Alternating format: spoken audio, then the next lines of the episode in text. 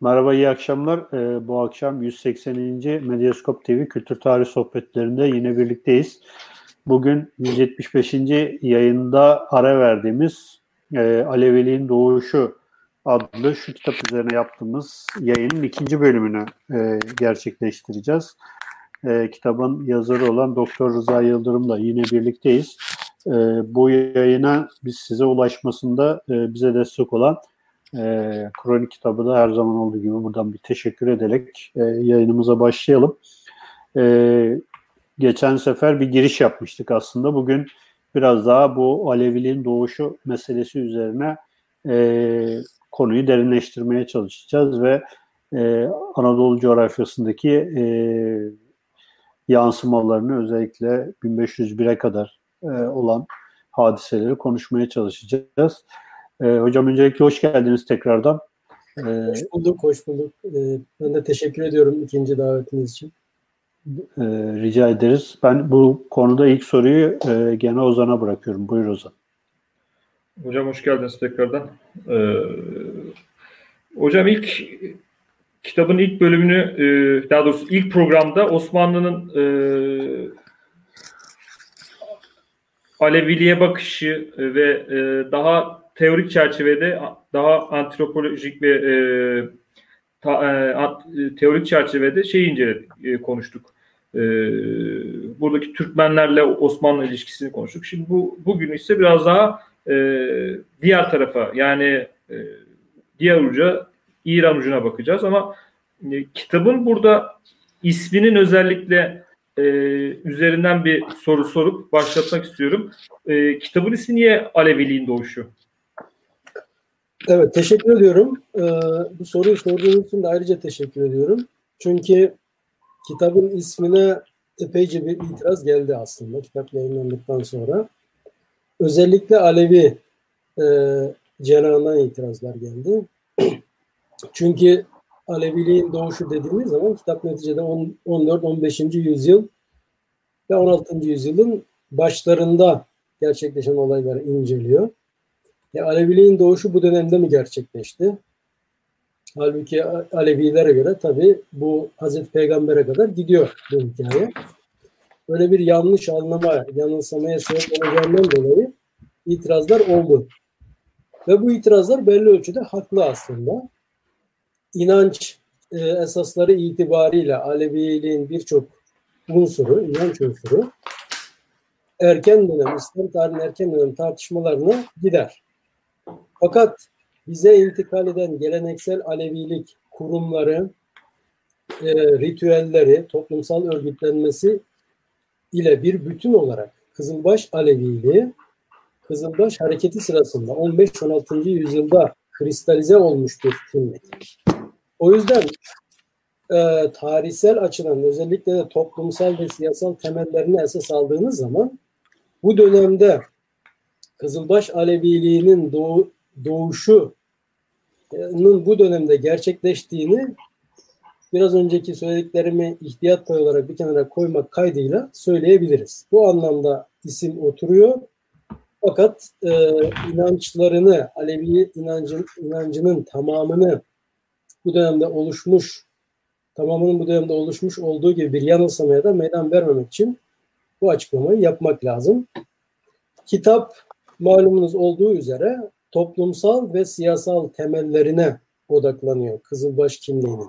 İnanç esaslarına, inanç temellerine, ibadetlerine, ritüellerine odaklanmıyor. O ayrı bir çalışmanın konusu. Ee, ve bu açıdan baktığımızda da Kızılbaş Aleviliği söz konusu ise bu dönem evet Kızılbaş Aleviliğinin doğduğu dönem. Hocam peki e, ya biraz daha bu şey konusuna yani daha e, kitabın alt başlığı olan toplumsal ve siyasal temellerine geçeceğiz ama bu e, nihayetinde bu Erdebil tekkesi Safevi e, der, e, ter, dergahı diyelim e, başlarda e, Sünni Ortodoks bir yapı. E, nasıl oluyor da e, bu 200 sene içinde yaklaşık işte 1320'lerde 1300'lerin başında e, ortaya çıkan bu e, dergah 100 yıl 200 yıl sonra 1500'lerin sonunda e, hem e, burada tırnak içinde kullanıyorum hem heterodoks hem işte dairenin dışında bir e, yapıya dönüşüyor hem de bir devlet oluyor. Yani çok böyle farklı bir e, süreç yani aslında iki, iki süreç var. Bir tarafta e, farklı bir e, şeye dönüşüyor dini anlamda, mahiyeti anlamda hem de farklı bir e, organizasyona dönüşüyor. Evet, doğru, doğru, çok doğru. Ee, gerçi Ortodoks gibi kavramları tarikatlar için, e, tasavvufi oluşumlar için ne kadar kullanabiliriz bu konuda tartışmalar var. Ayrıca Sünni Şii e, spektrumunda bunları rahatlıkla bir yere yerleştirebilir miyiz? Bu konuda da tartışmalar var. Ancak şu kadar rahatlıkla söyleyebiliriz ki Safevi tarikatı eğer bu tarikatın kuruluşunu Şeyh Safiüddin Erdebili'ye e, bağlarsak, onunla başlatırsak 13. E, yüzyıl, 14. yüzyılın birinci yarısında kurulmuş oluyor böyle olursa. 14. yüzyılda bu tarikat İslam dünyasında çok yaygın o dönemde çok çok yaygın ve egemen hatta olan diğer tarikatlardan çok da farkı yok tarikat. Bir farkı var o da daha yaygın, daha popüler ve çok geniş bir mürit ağına sahip olması. Onun dışında e, inanç, takip ettikleri inanç esasları, sufi pratikler, İslam'la ilişkileri, şeriatla ilişkileri açısından bir kadirilikle, halvetilikle ki halvetilikle aynı kanaldan, aynı kökten geliyorlar. Kardeş tarikat bunlar zaten. Ee, bir ne diyelim rufailikle çok arasında fark yoktur. Bu ilk dönem. Safevi tarikatı detaylarına belki birazdan geliriz. Şeyh Cüneyt döneminde yani 15. yüzyılın ortasından itibaren dönüşüyor. Başka bir niteliğe kavuşuyor. Ve bu nitelik nihayetinde bir devlet üretiyor. Bir devlete dönüşüyor. Devlete dönüştüğünde de bu kitabın konusu değil ama belki bir son not olarak eklemek gerekir bu programın sonunda. Ben çünkü şu aralar tam onu çalışıyorum. Devlete dönüştükten sonra da bu tarikat devlet tırnak içinde söylüyorum dini olarak devam ediyor.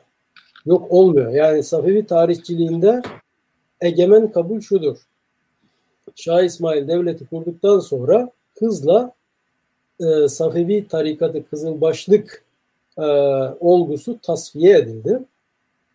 Ve yerleşik, aynı Osmanlı olduğu gibi bürokratik yerleşik zihniyet Safevi devletine egemen oldu ve yönetti. Hatta benim hani bu kitapta da bu anlayışın yansımaları vardır kitabın sonlarına doğru. Ben şimdi o görüşümü değiştirdim.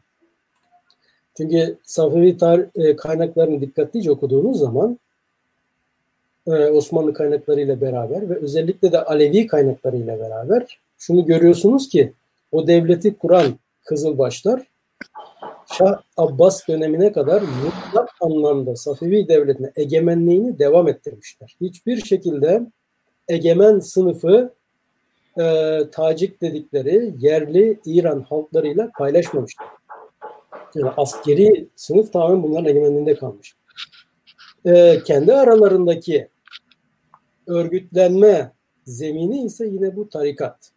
Safevi tarikat. Yani Safevi tarikatı devlete dönüştükten sonra devletin içinde devletin iç nizamnamesi gibi bir tür kanunu gibi devam etmiş. Bunu anlatmaya çalışıyorum. Ama bu ikisi ne artık bence iki ayrı tarikat diye düşünmek lazım. Yani ilk dönemden kuruluşundan Şeyh Cüneyt'e kadar gelen bir Safevi tarikatı var. Bu tarikat standart diğer tarikatlardan bir farkı yok ki bu hani bir parantez açarak söyleyelim. Tarikatlar İslam dünyasında Sünni iktidarların egemenlik alanlarında neşvü nema bulmuş. Dur, dikkatle bakarsanız. Zaten İslam dünyasında Şii iktidarlar e, ciddi egemenliği olan Şii iktidarlar çok azdır. Yani bunların esasen iki tane örneği bir Fatımi devletidir, bir de Safevi devlettir. Diğer iktidarlar yani küçük hanedanlar var. Mesela Gilan bölgesinde Öteden beri Şii eğilimli hanedanlar yerel hükümdarlardır. Ama bunların egemenliği yerel alanların dışına çıkmaz. Şia e, hukukunu da, Şia şeriatını da devletin şeriatı, hukuk düzeni yapacak imkanları falan olmamış. O ölçekte bir devlet değillerdir çünkü. Yani o ölçekte Şii devleti diyebileceğimiz belli bir e, kriterin üzerinde bir Safevi devlet vardır, bir de İsmaili devlet. Şimdi bunların dışında zaten yok. Bunlarda bile baktığınızda, bu iki örneğe baktığınızda Şia egemen olduğu yerde tasavvufi akımları, tarikatları bastırıyor. Bunun sebebi malum öğretileri birbirine çok yakın. Bir takım böyle İslam tarihçisi e, özellikle batılı uzmanların şu görüşünde ben de iştirak ediyorum. Aslında Sufi tasavvuf neredeyse Şia'nın Sünni versiyonu gibi bir şey. Öğretileri itibarıyla. Yani velayet teorisi, veli, mürşidi kamil, kutup bunlar imam teorisinin, Şia'daki imam teorisinin birazcık uyarlanmış halleri. E birbirlerine çok yakın olunca aynı iklimde barınamıyorlar. Ve e, netice itibariyle şunu söyleyip parantezi kapatayım. Bir ülkede, bir coğrafyada eğer Şia egemense, Şii fıkhı egemense bu ister 12 imam şiası olsun, ister İsmaili şiası olsun. İsmaillerde gerçi fıkıh oturmadı hiçbir zaman da. Orada tasavvuf sıkıntı yaşar. Tasavvufi akımlar neşvi nema bulamaz. Dolayısıyla tarikatlar İslam dünyasının daima çoğunluğu olan ve geniş coğrafyalara hükmetmiş olan sünni iktidarların egemenlik sahasında ortaya çıkıp gelişmiştir. O yüzden de genelde hani sünni tarikat derler. Bir ağır ağız alışkanlığı daha. Buradaki sünninin ne demek olduğu biraz açıklamaya muhtaç. Çünkü tarikatların birçoğu içerik itibariyle Alevi yani bu Alevi hem silsilelerin Hazreti Ali'ye çıkması hem de ehli beytçi olmaları itibariyle Alevi meşreptir. Dolayısıyla Sünnilik, Alevilik, Şiilik burada birbirine girer. İç içe geçer. Çok dikkatli konuşmak gerekir o alanda. Fakat kabaca diyebiliriz ki İslam dünyasında Sünni iktidarların egemenlik sahasında ortaya çıkan özellikle de e, hilafetin Abbasi halifeliğinin son bulmasıyla Türk-Moğol dönemi dediğimiz İslam dünyasında askeri siyasi elitlerin Türk Moğollardan, Türkler ve Moğollardan ibaret olduğu dönemde çok yaygınlaşan, geniş, büyük tarikatlerden bir tanesidir. Ve yapı olarak diğerleriyle çok e, benzeşir. Öğretileri benzeşir. Efendim örgütlenme biçimi benzeşir. Takip ettikleri İslam pratiği benzeşir. Bu açıdan çok bir fark göremezsiniz. Yani sühreverdilikle Safevilik bu birinci dönem arasında yani bu birinci dönemde Sühreverdilikle Safevilik arasında, Kadirilikle Safevilik arasında, e, Halvetilikle Safevilik arasında belirgin İslam pratiği açısından belirgin bir fark göremezsiniz. Hatta işte Saffetü Safa'yı açıp okuyabilirsiniz. Saffetü Safa tarikatın bu birinci döneminin ana kurucu metnidir. Ee, Şeyh Safiüddin'in menkıbeleri ve e, sözlerinin şerhleri, sözleri ve o sözlerin veya Şeyh Safiüddin'e atfedilen ayet ve hadislerin şerhlerinden ibaret hacimli bir kitap. Oğlu Sadrüddin döneminde yazdırılmış. Bu metne baktığınızda bu dediğim şey net olarak ortaya çıkıyor. Ama Cüneyt'le beraber karşımıza farklı bir yapı çıkıyor. Cüneyt'ten bu yeni yapının yani ikinci Safevi tarikatı diyebileceğimiz ki ben şimdi e, bugünlerde çıkacak olan kitapta bu tabirleri de artık kullandım. Birinci Safevi tarikatı, ikinci Safevi tarikatı tabirlerini. İkinci Safevi tarikatı Cüneyt'ten şey, e, Şah İsmail'e kadar dönüşümünü tamamlıyor. Ve Şah İsmail ile beraber devlet tarikat iç içe geçiyor. Böyle bir ikinci dönem var karşımızda. Bizim Anadolu'da bugün e, Alevilik olarak bize kadar intikal etmiş yapı da işte bu tarikatın ikinci döneminin Anadolu uzantısı. Osmanlı coğrafyasındaki uzantısıdır. Bütün veriler bunu gösteriyor. Tabii ki bu Alevi kitlelerin beslendiği başka damarlar da vardı. Mesela Bektaşilik gibi. Mesela Abdalan Rum ilk dönemde 13. yüzyılda, 12. yüzyılda, 13-14. yüzyılda özellikle Abdalan Rum tabiriyle ifade edilen geniş dervişler güruhu. Bunlardan mutlaka birçok şey aldılar. Ahilerden mesela mutlaka çok şey aldılar. Bu konuda bir iki makalede yayınladım ben. Yani ahiler ve fütüvet geleneğiyle Kızılbaş Alevileri arasında çok yakın bir ilişki var. Hem ritüeller açısından hem inanç esasları açısından. Bu birçok kaynaktan besleniyor Kızılbaş Alevi hareketi. Ama örgütlenmesi somut olarak, organik olarak e, bunun ete kemiğe büründüğü yapı ikinci Safevi tarikatıdır. Ve bu yine tarikat jargonlarını kullanır. Yani kaynaklara baktığınız zaman biraz önce satır arasında söylediğim kitap buyruk üzerine benim çıkacak şimdi yeni çıkacak kitap buyruk Kızılbaş Aleviliğinin temel metni. Hatta diyebilirim ki bu ikinci Safevi tarikatının kurucu metni. Nasıl ki Saffetüs Safa birinci Safevi tarikatının kurucu metni ise buyruk ve o dönemde daha yaygın ismiyle Menakubul Evliya veya Menakubul Şeyh Safi bu isimlerle geçer genelde. Bu metin ikinci Safevi tarikatının yahut da şöyle diyebilir Kızılbaş Safevi tarikatının kurucu metnidir. Ve bu metne baktığınızda bütün bu e, hem tarikat jargonlarını tabi özelleşmiş bir şekilde artık standart bir tarikattan farklılıklarını net olarak gözlemleyebiliyorsunuz. Kavramların ve kullanılan jargonların ama tarikat ismi kullanılır. Mürşidi Kamil hala devam eder. Mürşidi Kamildir yani. Şah Kızılbaşlar için mürşidi kamildir. Hem Anadolu'daki Kızılbaşlar için Osmanlı egemenliği altındaki hem İran'da İran'a egemen olan valiler, generaller, ordu komutanlarından oluşan Kızılbaşlar için Şah mürşidi kamildir. Aralarındaki ilişki pir müridi diye geçiyor.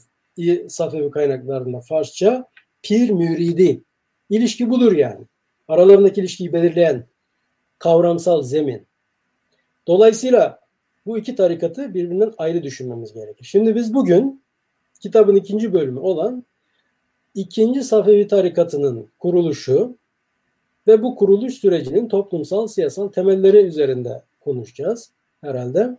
Çünkü kitapta bunun dini içeriği, inanç içeriği yok. Yani kasıtlı olarak o dışarıda kaldı. Bunu belli ölçüde şimdi yeni çıkacak kitapta tartıştım bu boyutlarını. Yani Aleviliğin doğuşu, Kızılbaş Alevi hareketinin iskeletini ortaya koyuyorsa ki bu toplumsal siyasal temelleri bir iskelet diye düşünebiliriz. Ee, şimdi buyruk üzerine çıkacak. Sadece buyruğun edisyon kritiği değil birçok tartışma var. Orada biraz bunu ete kemiğe büründürmek. Yani bunun kanlı canlı bir insana dönüştürmek işini gerçekleştirmiş. Belli ölçüde gerçekleştirmeye çalıştım. Bu da şu demek yani inançlar, ibadetler, örgütlenme biçimi, birbirlerine ilişkileri, Osmanlı sahasındaki Kızılbaşlarla Safevi sahasındaki Kızılbaşların ilişkileri ve bunların topunun birden Safevi hanedanıyla ve mevcut Mürşidi Kamil Şah her kimse onunla ilişkileri bunları ele alıyor biraz. Böyle bir dönem. Şimdi geri dönelim biraz. Ee, bir önceki programdan bir iki şey hatırlatmamız lazım. Bu hareketin toplumsal temelleri neler? Bir kere hangi toplumsal zümreler arasında ortaya çıkıyor bu temayül? Neden çıkıyor bir de? Niye böyle bir ihtiyaç var? İkincisi siyasi olarak temelleri neler? Siyasal temelleri neler? Yani hangi siyaset biçimi böyle bir şeyi ihtiyaç haline getirmiş 15. yüzyılda? Ee, arka planda geçen programda anlatmaya çalıştığım esas belirleyici büyük çerçeve iki siyasi anlayışının, iki toplumsal örgütlenme vizyonunun çatışması. Ya arka planda bu var. Nedir bu vizyon? Ee, bunlardan birinci siyasi anlayışı Türk-Moğol devlet geleneği dediğimiz e, Büyük Selçuklularla başlayan 16. yüzyıla kadar devam eden İran, Orta Asya, Anadolu'da işte Osmanlıların dönüşümüne kadar Suriye'de bu coğrafyada egemen olan anlayış. Bu anlayışa göre siyasal ve askeri elitler Türkçe konuşan, e, Türk-Moğol geleneğini sürdüren, sayıca azınlığı oluşturan, büyük oranda konar göçen, yaşa, konar göçer yaşam tarzına sahip olan zümrenin elinde. E, ilim, edebiyat, kültür, sanat, tarımsal üretim, ekonomi, ticaret gibi hayatın geriye kalan alanları ise e, o coğrafyada hangi yerel halk varsa o halkın elinde. İran'da mesela bunlar Tacik denilen İranlı zümrenin elinde. Böyle bir yapı var. Osmanlılar İslam dünyasının en batı ucunda ortaya çıkmanın avantajı ile veya yani bu tarihsel konjektürün getirdiği bir sonuç olarak bu modelin dışına çıkıyorlar zaman içerisinde. Osmanlı ile ilgili de şunu rahatlıkla söyleyebiliriz. Orhan Bey'in Osman Bey'den devraldığı beylik ile ikinci Bayezid'in Fatih Sultan Mehmet'ten yaklaşık 150 yıl sonra devraldığı devlet aynı entite değil. Bunlar çok çok farklı birbirinden. Osman Bey ve Orhan Bey döneminde Osmanlı Beyliği tipik bir Türkmen Beyliği. Batı Anadolu'daki Karasioğulları, Aydınoğulları, Saruhanoğulları, Germiyanoğulları, Menteşeoğulları gibi birçok Türkmen Beyliği'nden bir tanesi. Fakat 2. Bayezid'in devraldığı devlet İstanbul'u merkez edinmiş, Doğu Roma İmparatorluğu'nun doğal coğrafi alanına yerleşmiş bir dünya imparatorluğu vizyonunun peşinde koşan farklı bir siyasal olgu. Ve üzerine oturduğu hem coğrafi hem de beşeri birikim artık çok çok daha farklı, çok çok daha kompleks ve çok çok daha geniş. Bu devlet veya bu imparatorluk artık bir nevi tırnak içinde söyleyelim bunu 3. Roma İmparatorluğu. Yani şunu anlatmaya çalışıyorum. Osmanlı siyasa anlayışı, Osmanlı Devleti'nin hem devlet yapısı hem de öngördüğü ve zamanla da belli ölçüde başarıyla e, yerleştirdiği toplumsal örgütlenme biçimi ve bunun getirdiği din anlayışı, İslam anlayışı büyük oranda e, öteden beri Selçuklardan bu yana devam eden ki bu yaklaşık yarım bin yıla e, yakın bir süredir e, devam eden Türk-Moğol anlayışının dışında bir yapı. Onun dışına çıkıyor. Ve bu dışa çıkmasında e, dışına çıkıyor. Ayrıca zaman içerisinde olayların geliş, gelişmesi bize gösteriyor ki bu da dışa çıkışla Osmanlı Devleti diğer yapılara üstünlük sağlıyor. Ve çok uzun yaşıyor. Yani 16 yüzyıllık bir imparatorluktan bahsediyoruz. Çok geniş bir coğrafyaya egemen olmuş bir imparatorluktan bahsediyoruz. Bunlar başarıdır. Bu başarıların arkasında bu farklılaşmaları da var. Bunu göz ardı etmemek gerekiyor. Peki bu farklılaşma nereden geliyor? Neden mesela ak koyunlar değil de kara koyunlar değil de Timurlular değil de Osmanlılar bunu başardılar. Bence bu işin esas nedeni Osmanlı'nın üzerine oturduğu insan e, malzemesi, coğrafi alan ve kısaca bunların hepsinin içine alan medeniyet. Yani Doğu Roma mirası. Osmanlı Doğu Roma'nın mirası üzerine gelişen bir imparatorluk. Ve onlardan birçok şeyi doğrudan veya dolaylı alıp uyarlıyor kendi yapısına. Mesela basit bir örnek vereyim. Bu nasıl bizim e, hiç her şeyi bir kenara bırakın Müslümanlık algımızı derinden etkilemiş. Osmanlı'nın Bizans'tan öğrendikleri. Nasıl? Müslümanlık algısını çok derinden etkilemiş.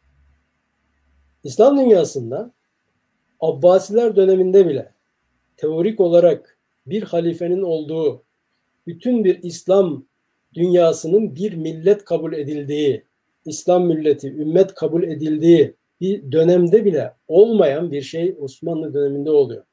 Fatih'ten sonra. Nedir bu? Ulema dediğimiz din bilgisinin ve aslında bütün bilgilerin yani astronomi, e, astroloji, ilmi nücum hepsi, tıp, bütün bunların hepsini zaten ulema tekelinde almış. Ama ana e, gövdesi bunun din bilimleridir. Onun da ana gövdesi fıkıhtır. Yani alim dediğimizde artık e, İslam tarihinde şöyle bakarsanız 10. yüzyıldan itibaren 10-11. yüzyıldan itibaren alim kelimenin kamil anlamıyla fakih demektir.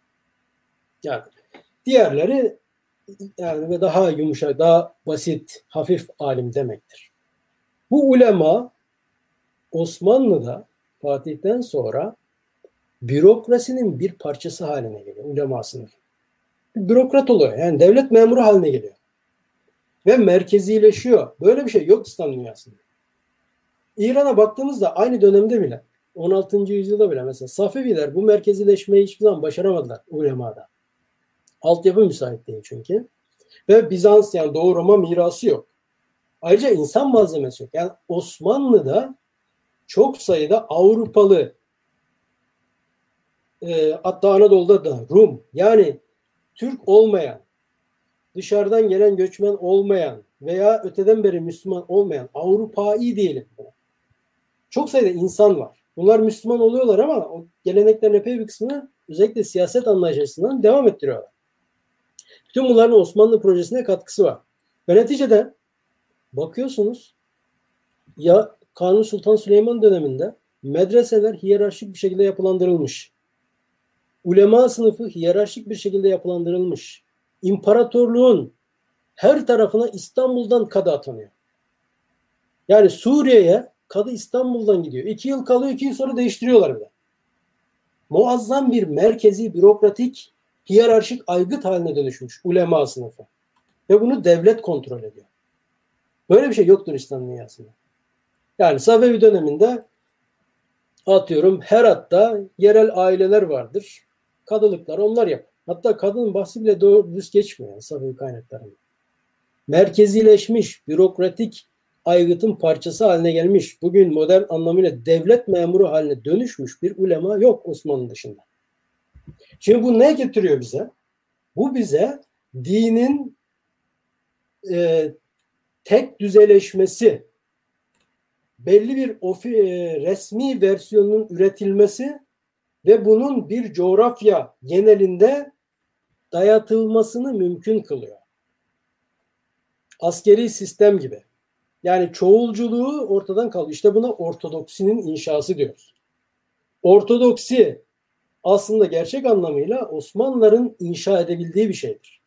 Dini or. Çünkü elinde o ortodoksiyi inşa edecek hiyerarşik bir şekilde örgütlenmiş ve kontrol edilen bir devasa yapı var. Bünye var. Ulema dediğimiz bir sınıf var. E bu sınıf belli bir anlayışı üretiyorlar tekrar tekrar ve yayıyorlar aşağıya doğru. Bu, bu bunun örneği nerede peki? Mesela böyle bir yapıyı biz nerede görüyoruz? Bizans'ta görüyoruz. Bu Bizans'tan öğrenilen bir şey. Hatta camilerin yapısına kadar yansımıştır bu yani. Bakın dikkatlice Osmanlı camilerine bakın. Ondan önceki Anadolu Selçuklu camilerine bakın. Heterojenlik, çoğulculuk mimaride bile gözüküyor. Yani daha önceki camilerde bir sürü kubbe vardır küçük küçük. Aynı Anadolu'nun İslami pratik bakımından durumu gibi heterojen yapısı. Ama Osmanlı camilerinde her şey bir kubbenin altında toplanıyor. Ve o kubbe büyük bir kubbe. İşte bu e, ancak Doğu Roma'nın mirası üzerinde şekillenebilirdi. Bunu İran'da yapamazsınız. Çünkü İran'da hala toplum tamamen parçalı. O kadar ki İran İran'da belli bölgeler her zaman otonom kalmış. Safiviler bile birleştiremiyorlar. Mesela Mazen, Mazenderan bölgesi hep yerel hanedanlar tarafından yönetilmiş. Vasal olarak Kızılbaşlar orayı kontrol altında tutuyorlar. Ee, Sistan bölgesi hakeza öyle. Lor bölgesi öyle. Kürdistan öyle. Yani İran'da bu merkezileşmeyi inşa etmek mümkün değil. Ama İstanbul merkezli coğrafyada bu mümkün çünkü zaten daha önce de öyleydi.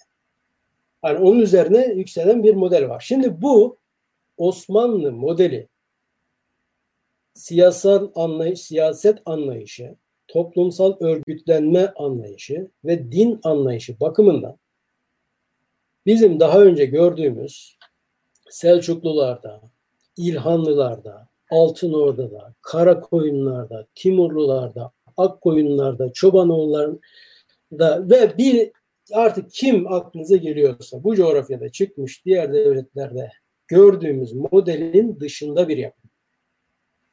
Daha emperyal, daha kozmopolit ve daha şehir merkezli. Bunu da belirtelim. Osmanlı'nın bir özelliği de şey, artık İstanbul var elinizde.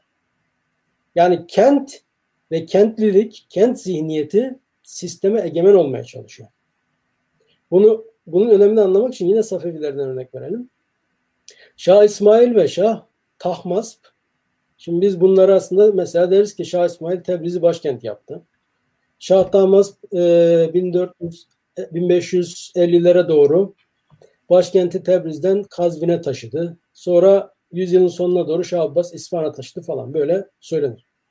Halbuki Şah Abbas'a kadar Safevilerde başkent tabirinin çok bir anlamı yok. Neden yok? Çünkü hareket eden bir e, devlet kitlesi var. Bu dediğimiz insanlar mesela Şah İsmail her yaz ya savaşta ya avdadır.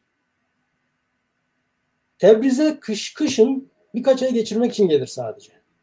Aynı şey Tahmasp'ta da öyledir. Yaşlanana kadar ge, e, Kazvin'de geçirdiği yaz yok veya Tebriz'de geçirdiği yaz yok. Bu adamların hayatı hareket halinde geçiyor. Tıpkı Kızılbaş ordu as, ordusu gibi. Şimdi bunun yansıdığı bir dünya görüşü ile İstanbul'da oturmuş kaz askerleriyle efendim müftüleriyle Şeyhülislam'ıyla, defterdarıyla, nişancısıyla, bütün kurumlarıyla yerleşmiş bir kent İstanbul gibi, Konstantinopolis gibi bir kentte yerleşmiş anlayışın inşa edeceği vizyon doğal olarak farklı. Ve arka planda özetle başa dönecek olursak bu iki vizyonun çatışması var. Bu çatışma Osmanlı Devleti'nin de kuruluşunda başat rol oynayan Türkmenleri e, bu dönüşen Osmanlı projesinden refüze ediyor. Dışlıyor. Yani onlara burada yer kalmıyor. Neden kalmıyor? Çünkü burada artık bir hareket iyi bir şey değil. Yerleşmek lazım. Sistem yerleş, yerleşini seviyor. Vergilendirmesi lazım çünkü. İki, kompakt yapılardan nefret ediyor sistem. Yani sen bin kişilik bir bütün olamazsın. Çünkü bin kişi, hele de bunlar silahlı, hareketli bin kişi ise sistem için tehdittir. Onun yerine Osmanlı çift tane sistemiyle ki bunu da Bizans'tan öğrenmiş büyük oranda. Tabii ki bu Selçuklulardan iktidardan gelen bir e, gelenek de var ama esas e, meselenin ağırlıkla öğrenildiği kaynak daha çok yine doğrama. Çift tane sistemiyle bölüp parçalıyor toplumu ve haneyi muhatap alıyor. Yani devlet, burada büyük devlet, burada da küçük bir hane. Bu ikisi arasında ilişki kuruyor Osmanlı rejimi. Şimdi bunun öze, önemi şu. Bu ilişki sayesinde gücün monopolize edilmesi, merkezileştirilmesi mümkün oluyor. Çünkü parçalanmış tek başına devletle muhatap olan bir hane diğer hanelerle bir araya gelip siyasal bir güç oluşturamaz. Zaten başında atanmış olan bir timarlı sipahi var. 3-4 hane veya bir köy, bir iki köyün başında barış zamanlarında bulunan ve onların vergisini toplayan timarlı sipahi var ki bunlar da sürekli değişebiliyor. Halbuki bir aşiret atadan dededen nesiller boyu aynı yapıyı devam ettiren ve sadakati kendisine olan siyasi askeri bir birim. Osmanlı bunları çözüyor. Çözmek istiyor. Çözmek istediği zaman işte genel e, hayat tarzında bu olan insanlar tabii ki bundan hoşlanmıyorlar ve karşı koyuyorlar. Osmanlı Devleti'nin baktığınız zaman 15. yüzyılda ana mücadelesi aslında Anadolu'da bu anlayış ve bu anlayışın temsilcisi kitlelerledir. Ve Anadolu'da e, bu muhalefet önce Karamanoğulları hanedanı etrafında kümeleniyor. Çünkü diğer Türkmen beylikler içerisinde en büyüğü bu geleneği devam ettiren, Moğol geleneğini devam ettiren en büyük Karamanoğulları.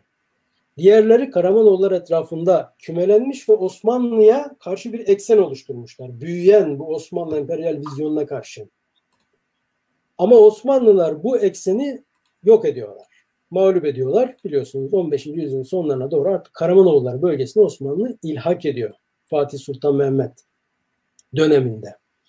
Bu eksen ortadan kalkınca o Türkmen kitleleri yeni bir eksen olarak yani bu Batı Anadolu'dakilerden bahsediyorum. Orta ve Batı Anadolu'dakilerden Safevi hanedanını görüyor ve Safevi hanedanı etrafında örgütlenmeye başlıyor. Safevi hanedan etrafında örgütlenen kitleler sadece Osmanlı ile sorun yaşayan Türkmenlerin ibaret değil. Aynı zamanda Akkoyunlu devletinde de bir müteşerrileşme, merkezileşme, bürokratikleşme cereyanı varsa Uzun Hasan'ın son dönemlerinde orada da rahatsız olan oymaklar, Türkmenler yavaş yavaş Safevi hanedanı etrafında kümeleniyor ve nihayetinde büyük bir güce dönüşüyor. İşte Şeyh Cüneyd'in şeyhliği dönemi Safevi tarikatının birinci standart tarikatlık döneminden çıkıp bu beklenti içerisinde, arayış içerisinde mutsuz, gelişen yeni siyaset anlayışından, yeni rejim, yükselen yeni rejimlerden rahatsız kitlelerin örgütlenebileceği yeni bir eksen haline geliyor. Safevi tarikatı. Bunu bir, bir kenarda tutalım. Cüneyt dönemi bunun gerçekleştiği veya gerçekleşmeye başladığı dönemdir. Cüneyt'in macerasına bakarsanız e, babasının yerine 1447'de e, Postniş'in olduğu zaman yani Sahil tarikatının şeyhi olduğu zaman Erdebil'de hemen rahatsızlıklar başlıyor. Şah Cihan e, Karakoyunlu hükümdar o bölgenin o zamanki hakimi Cüneyt'ten rahatsız oluyor. Yani daha önce İbrahim'den şey İbrahim'den hiç rahatsız olmayan e, ondan önceki şeylerden de tabii bu Şahcihan'ın ataları Ak, Karakoyun hükümdarları hiç rahatsız olmaz iken Cüneyt'ten rahatsız oluyorlar. Neden? Niye rahatsız olsun?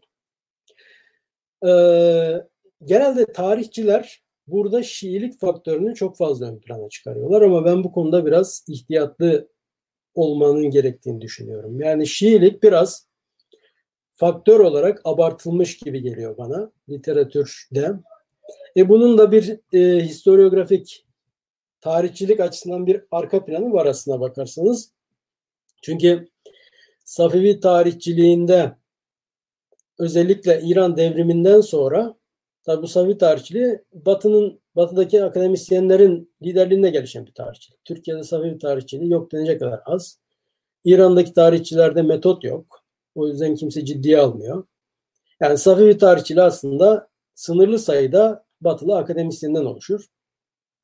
Bunlarda da İran devriminden sonra ana soru nasıl oldu bu iş? Yani Şia nereden çıktı bir anda? Ne güzel işte Şah döneminde seküler bir İran gidiyordu.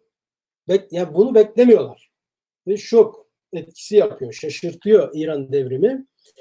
Ondan sonra Şia üzerine müthiş bir merak oluşuyor Batı'da.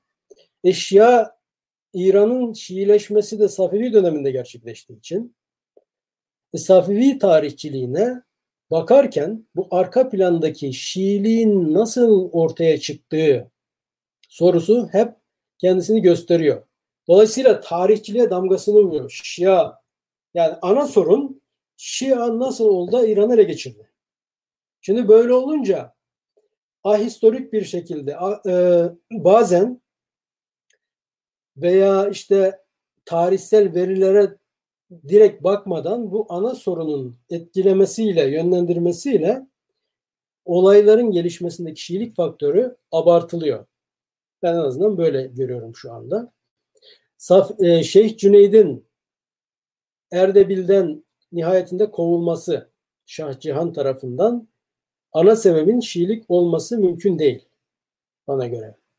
Zaten e, Cüneyt'le ilgili eleştiriler en sert, en katı eleştiriler Cüneyt ve Haydar dönemine Fazlullah Ruzbihan el-Hunci tarafından yapılıyor ki bu gayet normal. Çünkü bu adam bu aileyle artık yavaş yavaş korkmaya da başlamış. Bir anlamda ölüm kalım savaşı veren Akkoyunlu hanedanının ciddi anlamda son padişahı, e, son hükümdarı Yakup Bey'in resmi tarihçisi. Şimdi öyle olunca tabii ana düşman olduğundan dolayı bunlar hakkında negatif yazması gayet normal. Kitabını adeta bunları şeytanlaştırmak için Cüneyt ve Haydar'ı yazıyor. Çağdaş Cüneyt ve Haydar'la. O yüzden ana kaynaktır o dönemin. Ve orada hani e, söyleyebileceği hemen hemen her türlü negatif şeyi söylemiş kötülemek için. Kızılbaşları, Cüneyd'i ve Haydar'ı. Fakat Ruzbihan Hunci kendisi e, katı sünni olduğu halde birçok suçlama yaparken ne Cüneyd'i ne de Haydar'ı Şia ile suçlamıyor. Yani Şiilik halbuki öyle olsa onu da kullanırdı. Çünkü o dönemde Şiilik, Rafizilik İran'da Osman'daki gibi aynı. Buradan da anlıyoruz. Yani ana mesele Şii değil, Şiilik değil. Ana mesele oradaki askeri potansiyel. Cüneyd'in müritlerinin ciddi bir askeri potansiyeli olmaya başladığını hükümdarlar görüyor. Gördüğü için e, Cihan Şah onu oradan kovuyor. Kovduğunda peki nereye gidiyor Cüneyd? Cüneyd'in e, bu 1447'den yaklaşık işte 10, 10 yıla yakın 1556-57 gibi bir tarihe kadar macerasına baktığınız zaman Anadolu'da dolaşıyor. Bunların gittiği yerlerin bir kısmı Osmanlı egemenliği altında, bir kısmı Memlük egemenliği altında, bir kısmı Dulkadir, bir kısmı Akkoyunlu. Buralarda dolaşıyor.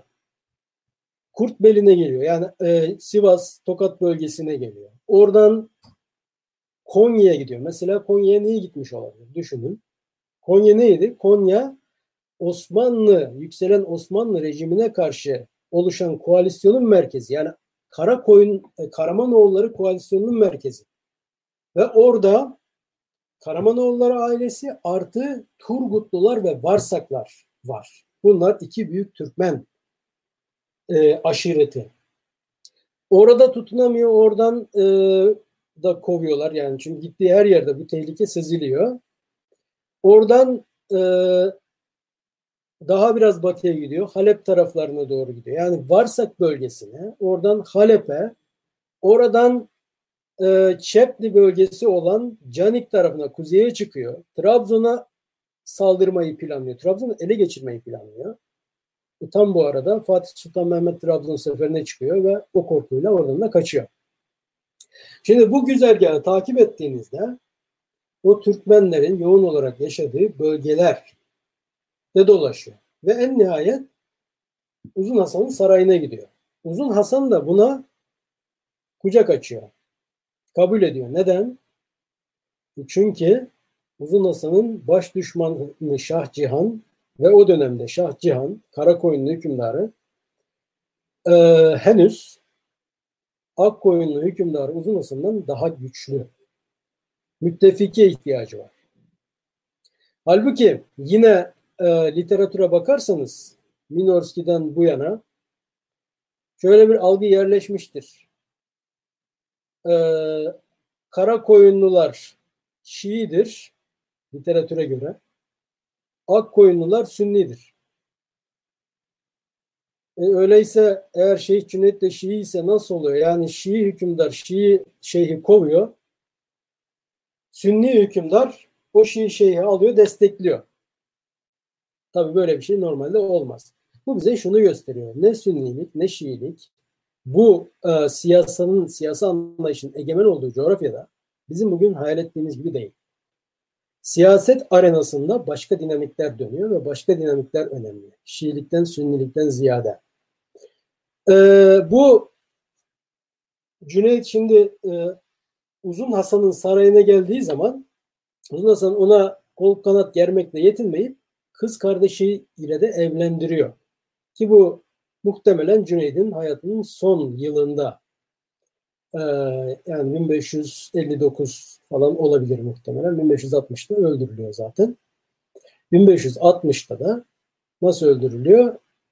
Müritlerinden bir ordu kurarak gaza yapıyor. Gürcistan taraflarında. Yani savaş yapıyor bizatihi. Savaşa gidiyor. Ve o savaş meydanında Şirvanşah tarafından öldürülüyor. Şimdi böyle bir dönüşüm var. Peki bu dönüşüm niye gerçekleşti? Bir tarikat, standart herhangi bir tarikat gibiyken nasıl oldu da böyle ordular oluşturan, savaşan ve iyi savaşan bir mürit kitlesinin birleşme noktası haline geldi. Burada bir parantez daha açalım.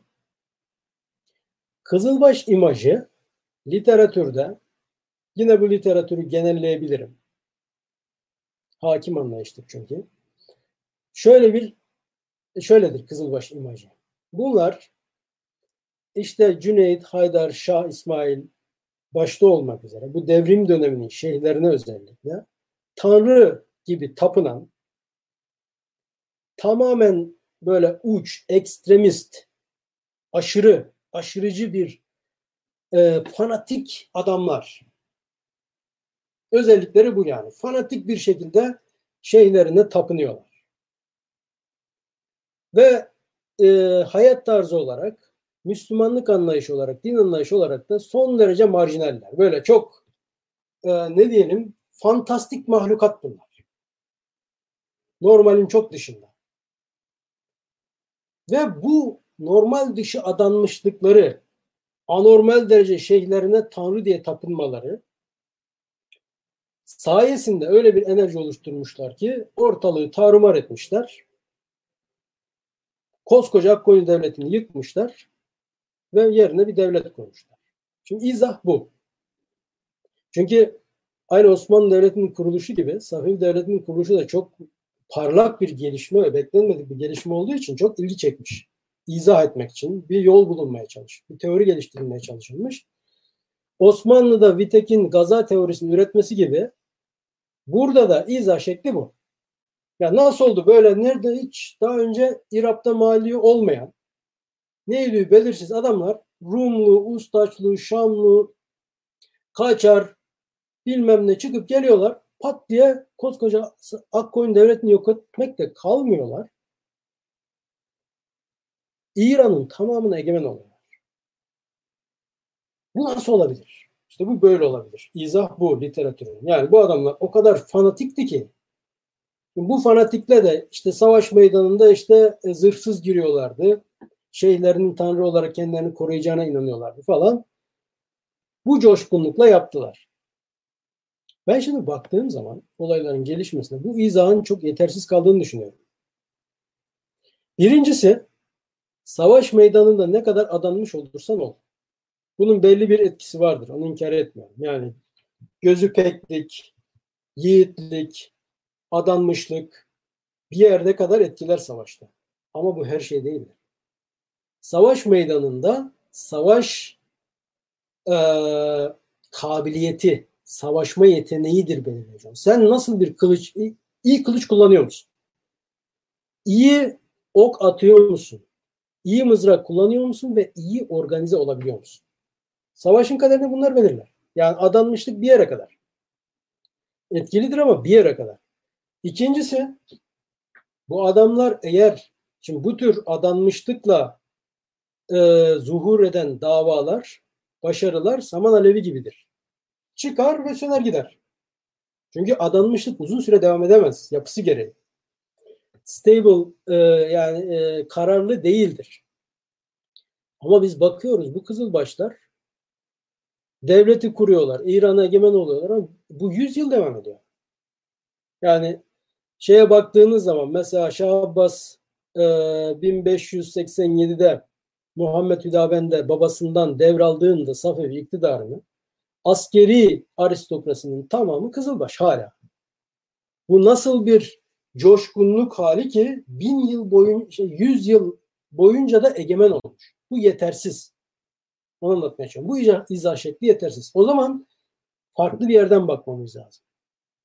O farklı bir yer bize şunu gösteriyor. Bu insanlar aslında savaşmayı, örgütlenmeyi ve egemen olmayı, hükmetmeyi bilen insanlar. Öteden beri bilen insanlar. Başka türlü bunu izah edemeyiz. Rumlu dediğimiz oymak, özellikle Şamlı ve Ustaçlı dediğimiz oyun bunların her biri birer devlet gibidir. O çapta güce sahip. Yani küçük devlet gibidir. Mesela Ustaçlılar tek başına bir oymak olarak İran'da Safevi egemenliği altında yaşayan, Loristan'da egemen olan hanedan ve kendi adamları, Mazenderan'da egemen olan hanedan ve kendi adamları, Şirvan'da egemen olan Şirvan Şahlar, bunların hepsinden daha büyüktür güç olarak. Sadece Ustaşlı oyma. Bu adamlar belli bir siyasal background'dan geliyorlar. Toplumsal background'dan geliyorlar. Ve bu öte, öteden beri anlatmaya çalıştığım o Türk-Moğol geleneğinin temsilcisi kitlenin devam olmaları. Yani bunların zaten mesleği, bu kitlelerin mesleği savaşmak ve hükmetmek. Başka bir şey bilmiyorlar, başka bir şey yapmıyorlar. O kitlenin bir kısmı yükselen yeni rejimlerden rahatsız olduğu için Safevi hanedanı etrafında toplanıyor ve bu kadar başarılı oluyorlar. Başka türlü bunu nasıl izah edebilirsiniz? Safevi Kızılbaşların savaşlarını bakın ilk savaşlarından itibaren. Şah İsmail'in Şirvanşah'la yaptığı 1500'deki savaş. Ee, Elvan Bey'le yaptığı Elvent Bey'le affedersiniz Elvent Bey'le yaptığı 1501'de Akkoyun hükümleri Elvent Bey'le yaptığı savaş. Dan itibaren bütün Safevi tarihi boyunca ben okumalarımda şimdiye kadar hiçbir savaşta bunların sadece düşmanlarına denk olduğunu görmedim. Çoğu savaşta üçte bir oranındalar. Hani sonraki dönemlerde de mesela Şirvanşah'la yaptığı savaşta 7 bin kişi zaten Kızılbaşlar. Onu biliyoruz. Karşıdaki orduda 20 bin tane süvari var. 5-6 bin tane de e, yaya var. Benzer bir durum Ak koyunlu ordusuyla bir yıl sonra yaptıkları savaşta karşımıza çıkıyor. Yani 7 bin kişiyle sen 25 bin kişilik bir devlet ordusu ile savaşıyorsun. Düşünün. Şimdi e, literatürdeki anlayışa göre bakarsak bir tarafta 7 bin tane oradan buradan oymaklardan toplanmış böyle ne ediyor belirsiz adam yani savaşma bilmiyor, askerlik bilmiyor, taktik bilmiyor, teknik bilmiyor, devlet bilmiyor. E, İbni Kemal'in Osmanlı alimi İbni Kemal'in tarifiyle böyle kendi memleketinde adam yerine konulmayan e, tekelüler gibi bunlardan oluşan 7 bin kişi var. Karşımızda İran'a nereden baksanız şöyle bir 50 yıla yakın süredir egemen olan Akkoyunlu devletinin 25 bin civarında nizami ordusu var. Ve bu adamlar bu orduyu perişan ediyor. Şimdi burada askeri bir başarı, beceri yoksa, örgütlenmeyen taktik, savaş meydanındaki o taktik başarı yoksa bunu nasıl izah edebiliriz? Yani ne kadar da adanmıştık olabilir? Sen istediğin kadar adan. Kılıç darbesi seni geldiği zaman boynunu keser. Oradaki belirleyici olan gelen kılıç darbesini kendi kılıcından sav- savuşturup savuşturamayacağındır.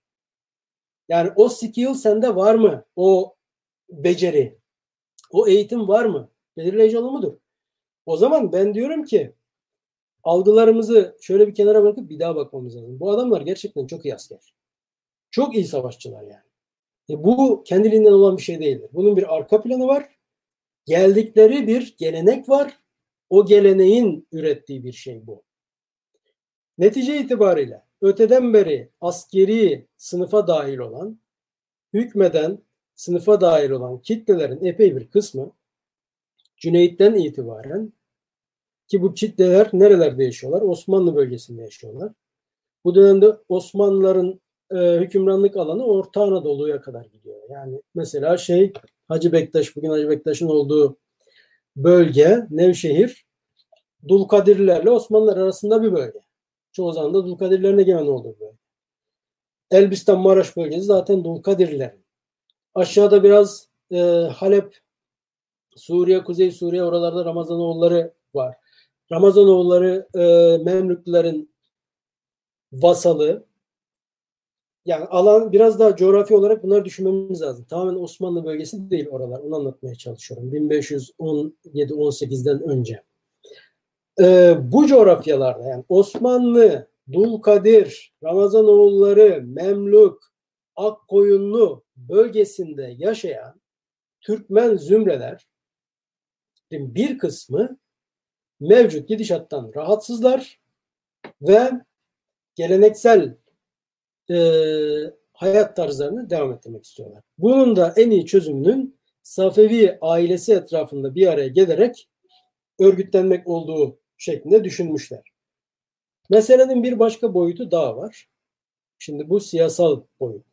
Bir de 15. yüzyılda ilginç bir şekilde e, bunu literatürde mesyanik hareketler deniyor. Bin yılcı, mehdici hareketler. Bunların yükselişini görüyoruz. Ve bu hareketlerin bir özelliği devrimci olmaları ki normal yani hali hazırdaki düzenden, yapıdan mutsuz olan insanlar devrimci olur nihayetinde. Ee, bir başka özelliği dini otoriteyle siyasi otoritenin bir kişide birleşmesi ve bu kişinin daha çok sufi, mistik bir karaktere sahip olması. Yani halife modeli değil. Mesela halife modelinde de dini otoriteyle siyasi otoritenin birleşmesi vardır. Abbasi halifeleri bu ikisinin birleştiği bir modeldir. Ama orada fıkıh esastır toplumsal düzende. Bu dönemdeki mesyanik hareketlerde lider hem mistik bir lider hem askeri lider hem de politik lider.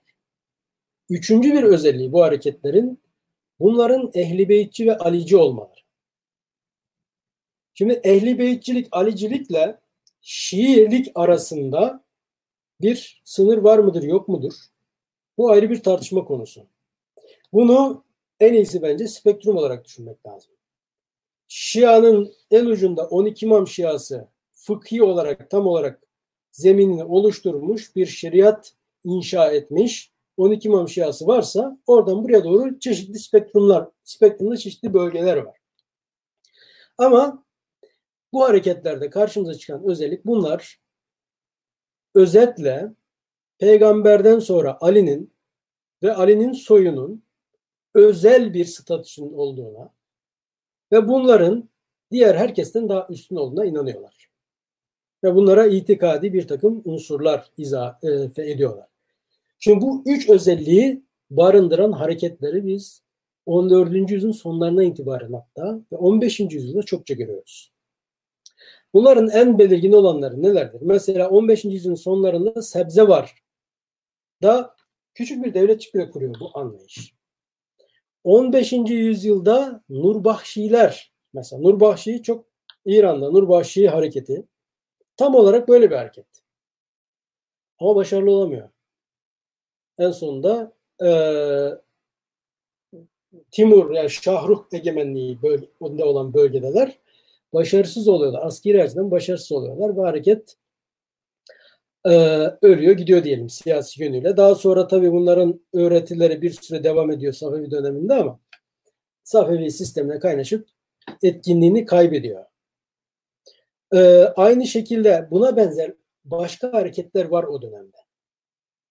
Bunlar içerisinde başarılı olan Safevi hareketi. Neden? Neden Nurbahşiler başarısız oldu? Da Safeviler başarılı oldu.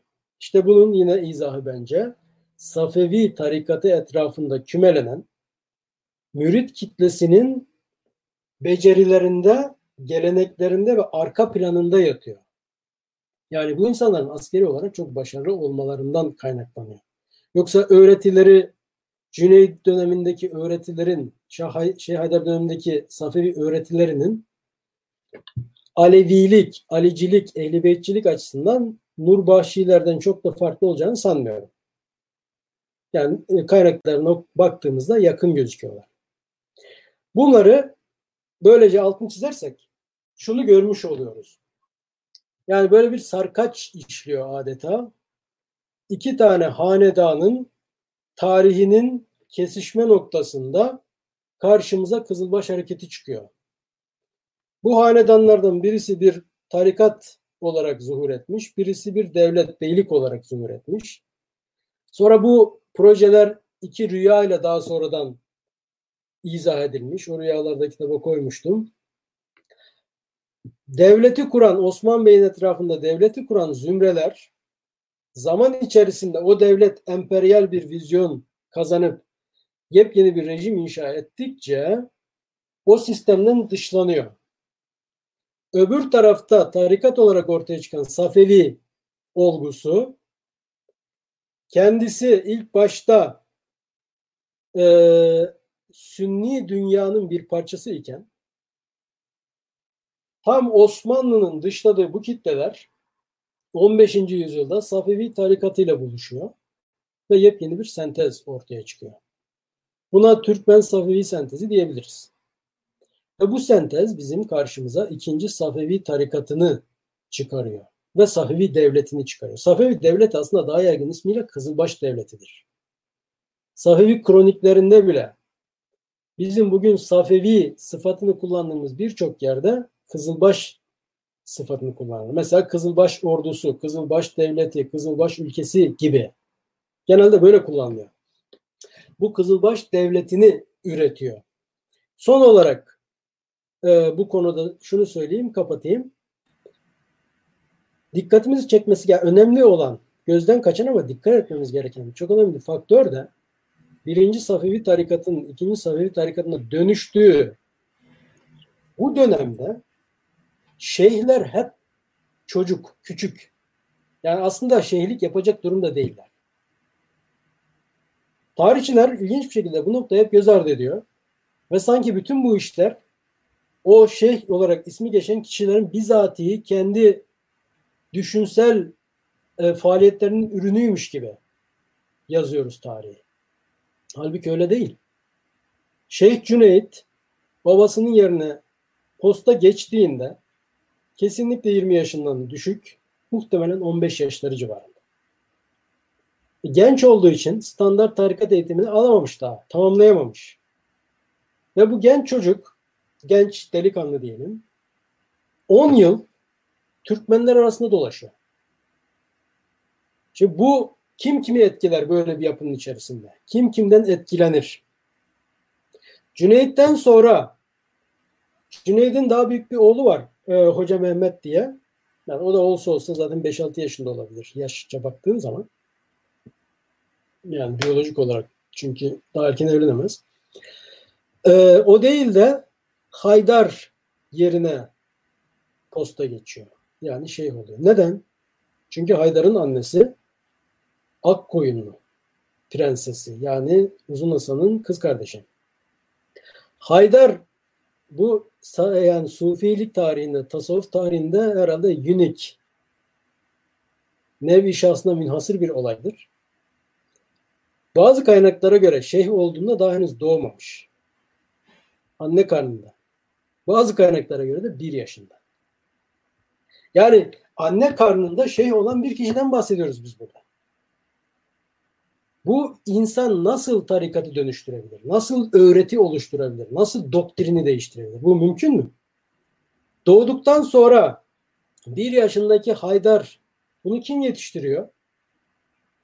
Bu işte Kızılbaş halifelerinin e, bakımında. Etrafında hep Kızılbaş reisleri var. O zaman daha adları Kızılbaş değil ama işte bu bahsettiğimiz kitlenin reisleri. E, Haydar öldüğünde 1488'de üç tane oğlundan daha çok oğlu var ama bu üçü daha ön plana çıkıyor. Yerine geçen Hoca Ali 7 yaşında, 7 yaş civarında. İsmail 1 yaşında. Yine bir çocuk şeyh vakasıyla karşı karşıyayız. Tahmas'ta bile bu böyle yani. Düşünün devlet kurulmuş Tahmas tahta geçtiğinde 10 yaşında. Şimdi bu geçiş dönemi yani devrim dönemi, dönüşüm dönemindeki şeylerin hepsi çocuk. O zaman bu dönüşüm bu kişilerin kendi bireysel, entelektüel, düşünsel faaliyetleriyle ve kararlarıyla açıklanamaz. Bunları kuşatan kültürel muhitle bunu açıklamamız gerekir. O kültürel muhit nedir? O Türkmen muhiti işte. Dolayısıyla literatürdeki bu kitapta biraz onu e, yani tezde ve soruda kitapta onu altını çizmeye çalıştım.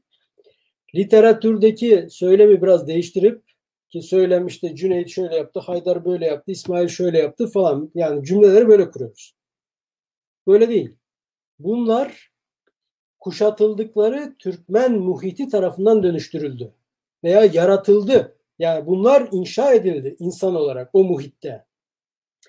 Dolayısıyla 1447-1501 arasında Safevi tarikatının Türkmenleşmesi diye ifade edebileceğimiz bir süreçle karşı karşıyayız. Türkmen dindarlığı bunu şimdi detayına girmeyeyim çok uzadı ama e, yazdım bunda yeni çıkacak kitapta ne demek istediğimi. Türkmen dindarlığı olarak ifade ifade edebileceğimiz dindarlık biçimi Safevi tarikatının ana belirleyicisi, Safevi doktrininin ana belirleyicisi oluyor bu dönemde. Ve karşımıza çıkan Şah İsmail'in e, tarikatı artık böyle bir tarikat. Yani kodu, kodları değişmiş, doktrinleri değişmiş, İslam anlayışı değişmiş ve kuşattığı, kuşatıldığı, üzerinde içinde neşvi nema bulduğu Türkmen kültür muhitinin şeklini almış bir tarikatla karşı karşıyayız. Bu muhitin dindarlık açısından kendine özgü bir takım özellikleri var ama bunun yanında bir de bu muhitin bir özelliği öteden beri askeri siyasi elit katmanından olması. Yani hükmeden konar göçen Türkmen, konar göçer Türkmen zümrelerinden olması ki bunu zaten bir devlet kurarak bize açıkça ispat ediyorlar ve bu devlete egemen olarak açıkça ortaya koyuyorlar. Ee, yani özetle Kızılbaş Hareketi'nin siyasal, toplumsal köklerini Anadolu'da, Suriye'de, Orta Anadolu'da, e, Azerbaycan'da bu şekilde görebiliriz diye düşünüyorum ben. Tarikatın dönüşmesini, Türkmen muhitiyle kaynaşmasını ve siyasi bir nitelik kazanıp bir devlete dönüşmesini en azından ben şimdiye kadarki araştırmalarım çerçevesinde böyle izah ediyorum. Hocam burada e, hem siz de soğuklanın. evet. ben, ben de... benim, benim soracağım bir sürü soruyu zaten hoca cevapladı. o yüzden e, ben sormayacağım. Ozan devam etsin. Burada aslında yani e, üzerinden de çok böyle son kısımda bahsettiniz. Aslında benim de e, tarih yazımı açısından da e, eleştirilerinizi de getirdiniz. Bu şeyh mi müritleri Şiileştirdi yoksa kitaptan okuyorum ben müritler mi şey Şiileştirdi? Yani aslında hep bu tarih yazımında da vardır ya e, kişilerin e, fertlerin tarihsel olaylara etkisi mi var yoksa tarihsel olaylar mı fertleri e, tarihsel kişileri ortaya çıkartıyor? Aslında sizin de tam e, sorduğunuz soru bu şeyde minvalde bu odağa oturuyor. Evet. Burayı biraz daha açmamız mümkün mü? Çünkü yani bu şey kısmı da çok önemli aslında. Yine bahsettiniz ya konuşurken de bununla beraber herhalde düşünmek gerekiyor. Yani kitabı okurken şeyi fark ediyorsunuz. Yani işte, işte Cüneyt, Cüneyt'le başlayan bir Şeyh Cüneyt'le başlayan bir dönüşüm süreci var. Ama Şeyh Cüneyt Erdebil'de durmuyor. Bu Anadolu'yu geziyor. İşte Sivas'a gidiyor, Konya'ya gidiyor, İçel'e gidiyor, Halep'e geliyor. Ondan sonra Trabzon'a gidiyor. Yani bütün o merkezi Anadolu şeyini dolaşıyor, kat ediyor.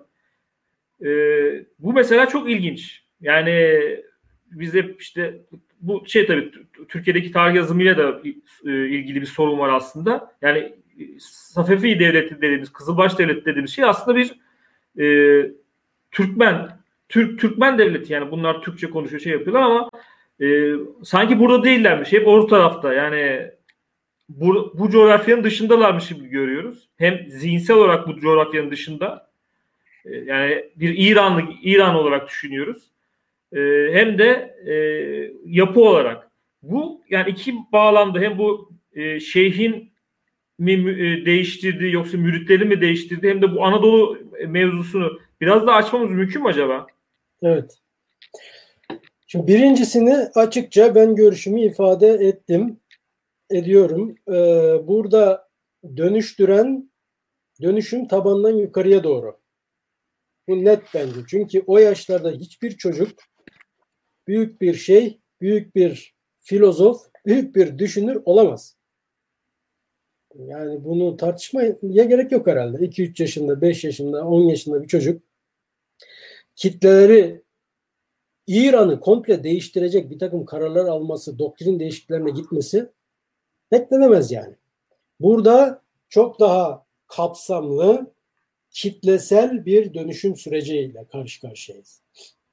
Safevi tarikatının e, mürit zemininin Türkmenleşmesi, ağırlıkla Türkmenleşmesi ve bir noktadan sonra tamamen Türkmenleşmesi. Bu Türkmen derken bunun içerisinde Kürtler, Kürtler daima var. Bunu unutmayalım. Yani biz bugün Türkmen deyince yani çoğunluk olarak Türkçe konuştukları için o gün de Türkmen tabiatları da e, yani Oğuz Türkleri ve konar göçer yaşadıkları için Türkmen genel bir şemsiye tabi olarak kullanıyoruz. Ama bunların içerisinde bulunmaktan hiç gocunmayan ve gayet rahatlıkla bu bütünün parçası olan Kürt aşiretler de var. Kızılbaş.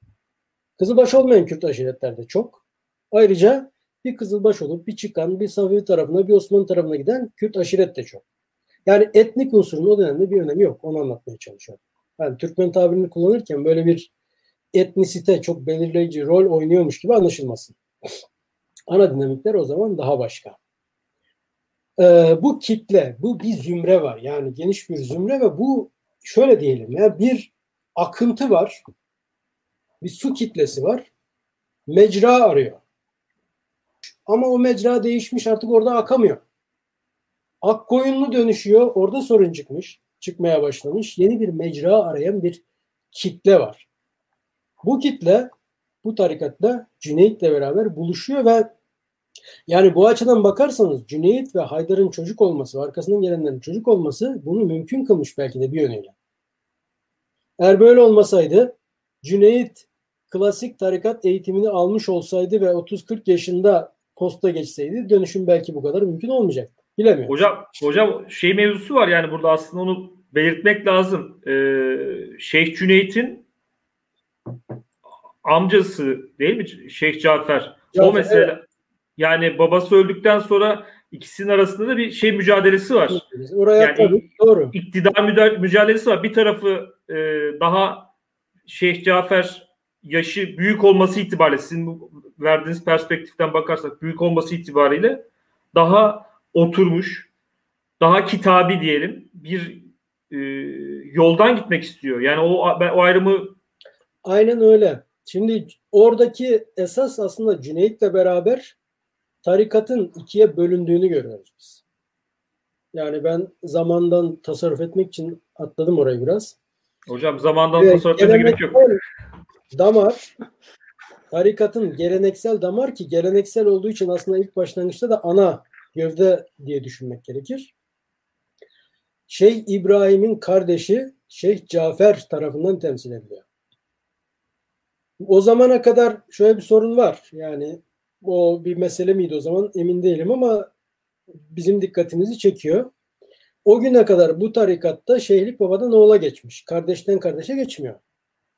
İlk defa Cafer postnişinlik, şeyhlik iddia ediyor kardeşinin yerine. Cüneyt ise İbrahim'in oğlu. Dolayısıyla Cüneyt'inki daha normal gözüküyor. Bu anlamda. Ama takip edilen doktrin, pratik, İslam anlayış açısından Cüneyt geleneksel yapıyı temsil ediyor. Yani Şeyh İbrahim gibi, Şeyh Ali gibi, Ali gibi. Cafer değil mi hocam? Şeyh Cafer. Şeyh geleneksel. Cafer, pardon, Şeyh Cafer. O damarı temsil ediyor. Bu arada bu önceki Safevi tarikatı Yani birinci Safevi tarikatı gerçekten çok etkin bir tarikat. Çok büyük bir tarikat. Yani çok geniş bir coğrafyada etki olmuş. Osmanlı bölgesinde de çok etkili. Yani düşünün ki Somuncu Baba bir Safevi müridi yani. Hacı Bayram Veli'nin mürşidi ve Bayramiye tarikatı dolayısıyla kökeni itibariyle Safevi tarikatına gidiyor. Ee, bir başka ilginç sima Eşrefoğlu Rumi. Fatih döneminde yaşamış, ölmüş. Ve e, bu şahıs Eşrefoğlu Rumi Kadiriye tarikatının ikinci kurucusu kabul ediliyor. Özellikle Osmanlı bölgesinde. Osmanlı bölgesinde aslında birinci kurucu olmuş oluyor. Yani ta, Kadiriye'yi oraya taşıyan bu kadar da önemli bir kişilik.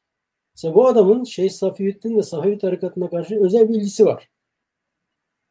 Kitaplarında Tarikatname diye küçük bir risalesi var. Çok çok önemli bir risale. Ee, diğer esas kitabının adı neydi? Belki ya, birazdan aklıma gelir. O kitabında şimdi hatırlayamadım.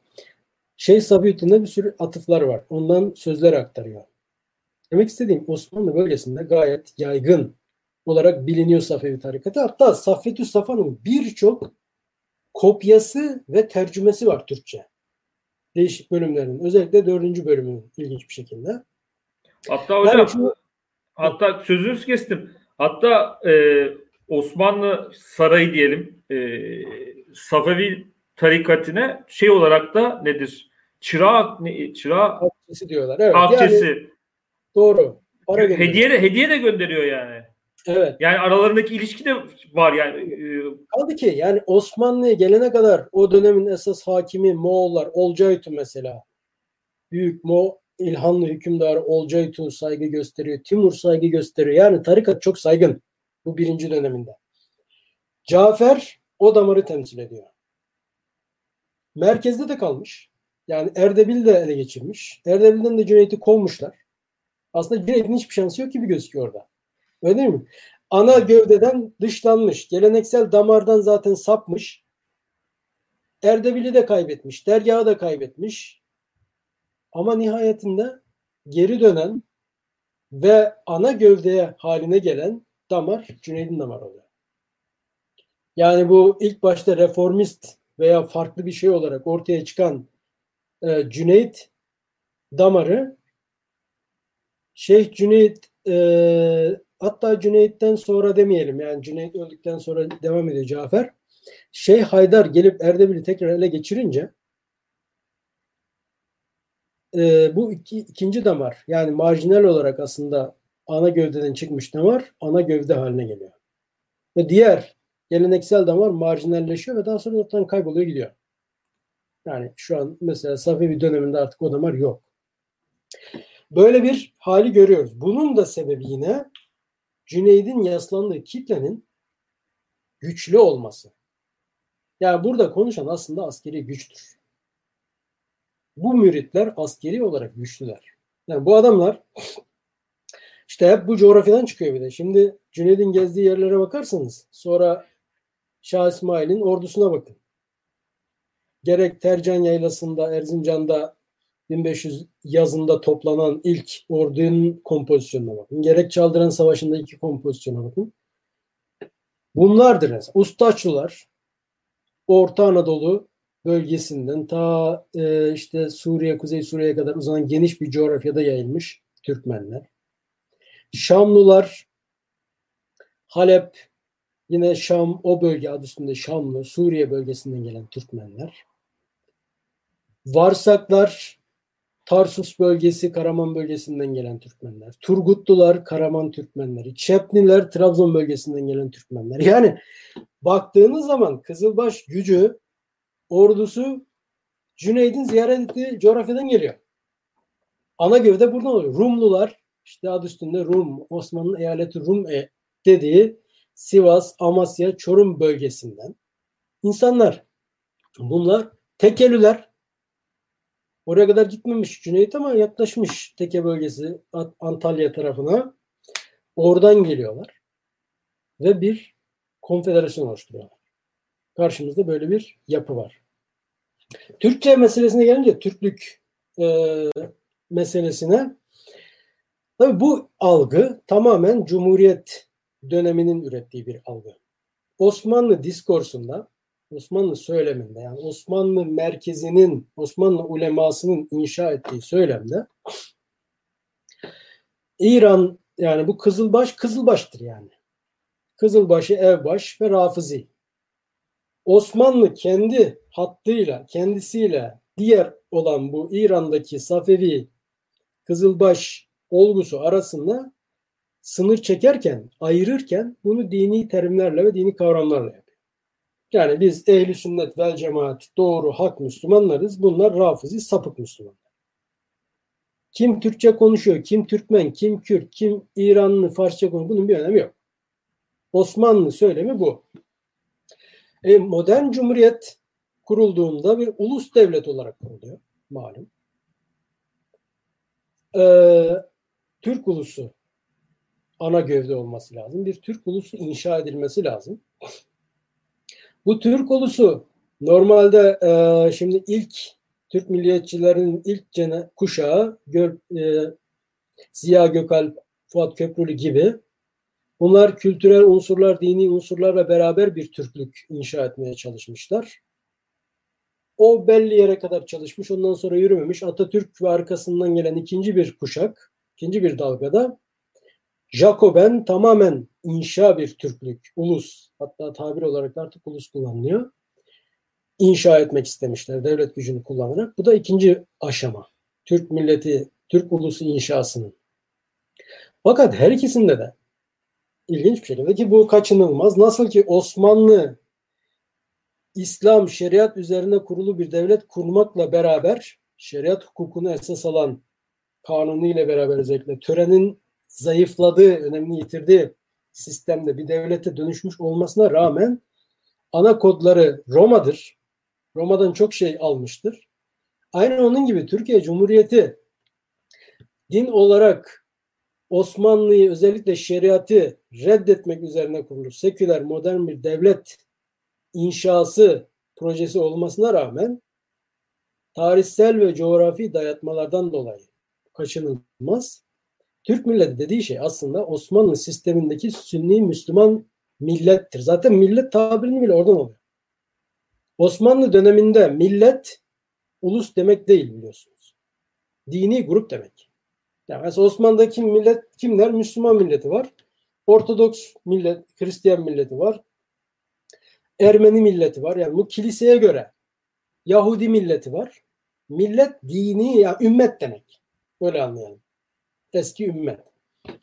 E biz o milleti şimdi ulus yani etnik temelli bir olgu, siyasal olgu olarak da kullanıyoruz.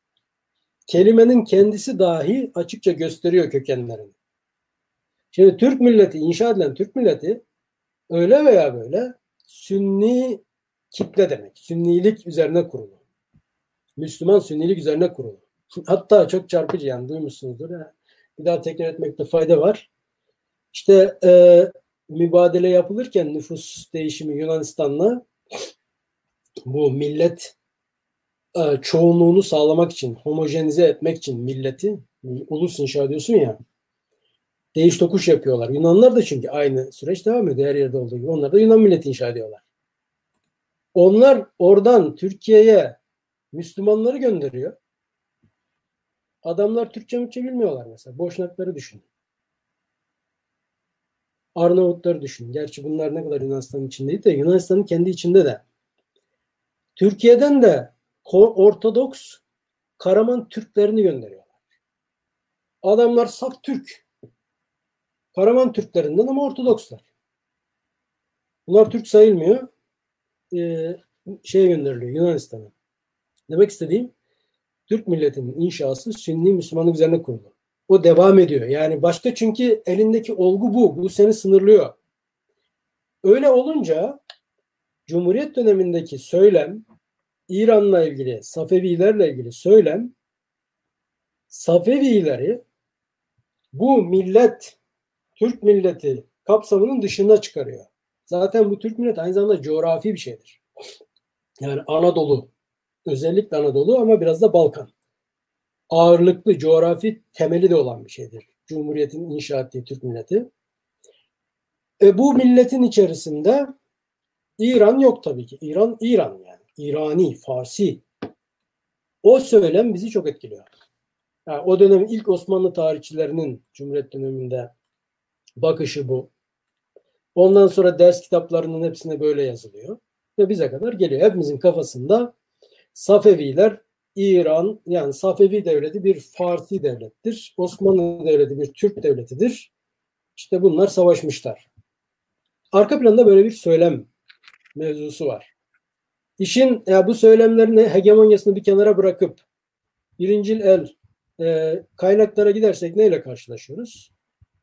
Orada gördüğümüz şu. Ha bu arada hemen bir parantez açıp aynı sürecin İran'da olduğunda ifade edelim, söyleyelim. İran'da da Şah rejimi onlar, onlarda da müthiş bir perscilik başlıyor. Tabii onlarınki daha vahim bir durum ya yani ve daha ona göre de daha şiddetli bir tepki olmasını anlıyorum. Neden? Şah Rıza Pehlevi iktidarı kimden devralmış İran'da? Kaçar Şah'ından devralmış. Ya bu Kaçarlar Safevi Kızılbaş Konfederasyonu'nda yer alan Türkmen oymaklarından biri. Yani 1400 ya bin, pardon 1922'ye kadar zaten Kaçarlar yönetmiş İran hanedan olarak. En azından sembolik. Türk yani Türkçe konuşan insanlar.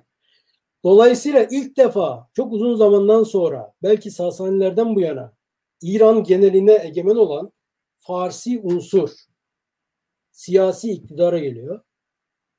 Dolayısıyla onlardaki Farsçılık bir bu tarihsel birikmişlik. iki dünyaya egemen olan o dönemdeki ulus devlet anlayışı, ulusçuluk, milliyetçilik, millet orada da gösteriyor. Orada da Safeviler aynı Türkiye'deki gibi ve İrani, Farsi bir olgu olarak resmediliyor. İkisi birbiriyle uyum içerisinde. Gerçek ne? Gerçek şu. Safevi devletini kuran e, insanlar ezici çoğunluğu Türkçe konuşan Türkmenler kuran ve yöneten yani kurup or, hemen İran e, elitine teslim etmiyorlar adamları. Kuruyor ve yönetiyor. Unutmayalım yani bunu. Ha bunlar köken olarak bir kısmı Batı Anadolu'dan yani Tekke bölgesinden, bir kısmı Orta Anadolu'dan, bir kısmı Suriye'den, bir kısmı Azerbaycan zaten o bölgeden insanlar. Safevi devletinin yıkılana kadar yani Kızılbaşlar egemenliği tamamen kaybettikten sonra da veya çok ciddi oranda kaybettikten sonra da 17. 18. yüzyılın başları ve 17. yüzyılda dahi Safevi devletinin ordusunun dili Türkçedir. Türkçe konuşur bu adamlar. Yani. Sarayın dili Türkçedir. Bunu net olarak biliyoruz. Nereden biliyoruz? Yani 1780'lerde 90'larda gitmiş orada bulunmuş seyyahlar var. Yazıyor adam yani. Mesela Kampfer diye biri var. Avrupa'da adam gitmiş diyor ki e, ne zamanlar bin, sanıyorum 1670'lerde falan tam tarih hatırlamıyorum ama yani 17. yüzyılın ikinci yarısı diyor ki burada diyor İran'da Türkçe bilmemek böyle elitler arasında bir ayıp olarak kabul ediliyor. Birinci dil sarayda birinci dil Türkçe, ikinci dil Farsça diyor.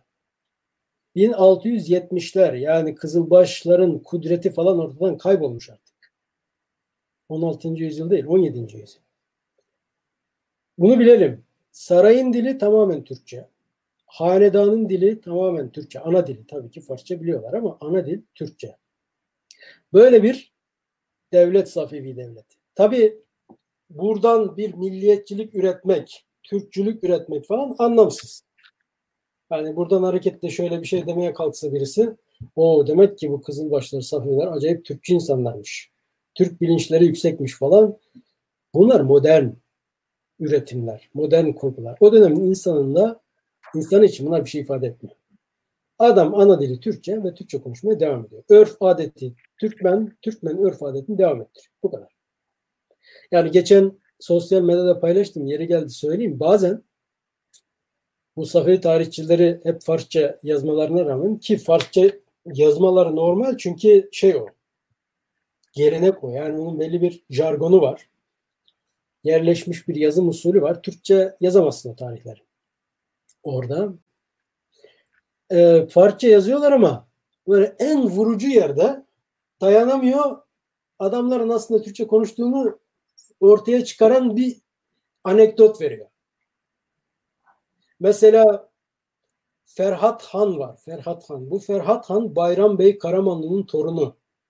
Bayram Bey Karamanlı da Şah İsmail e, Gilan'da saklanırken Akkoyunlardan kaçarken etrafında ona kol kanat germiş, onu yetiştirmiş.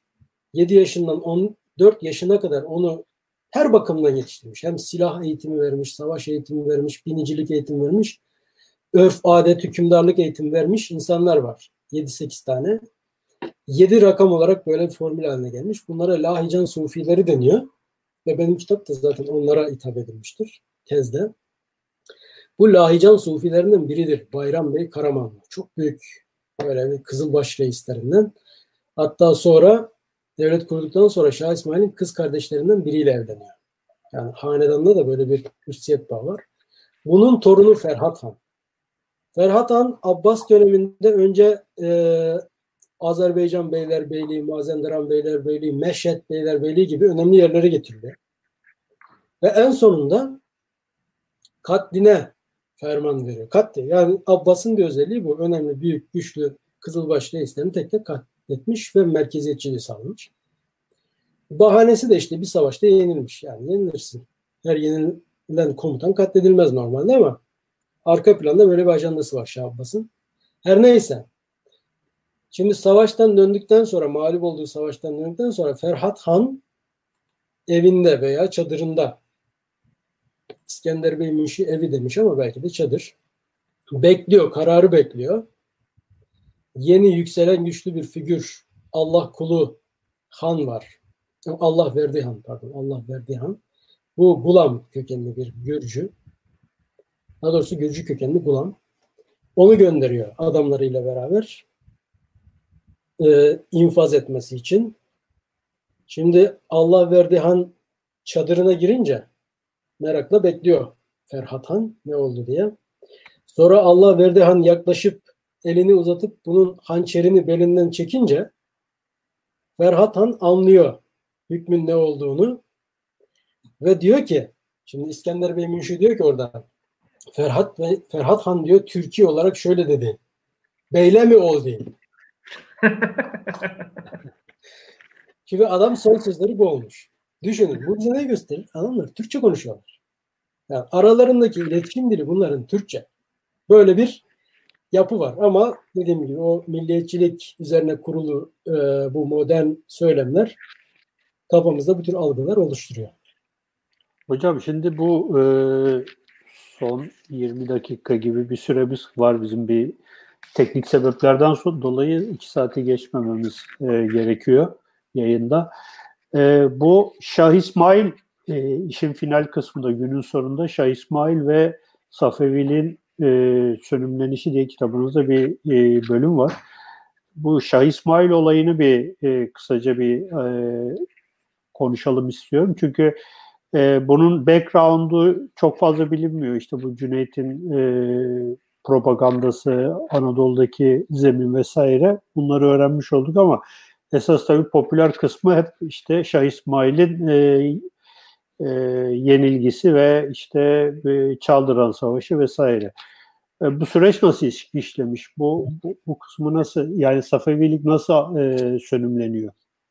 Sadece kılıç zoruyla mı sönümleniyor? Bir, bir, evet. bir soru da o tabii.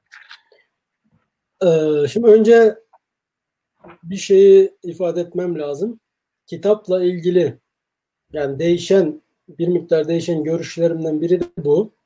Evet. Kitabın son bölümünde Kızılbaş davasının sönüşü diyorum. Tezi yazarken o zamanlar çok böyle savi tarihçiliğine birinci elden girmekten ziyade büyük isimleri takip ettim. Savory gibi mesela, Roger Savory gibi, Minorski gibi, Jean Oben gibi.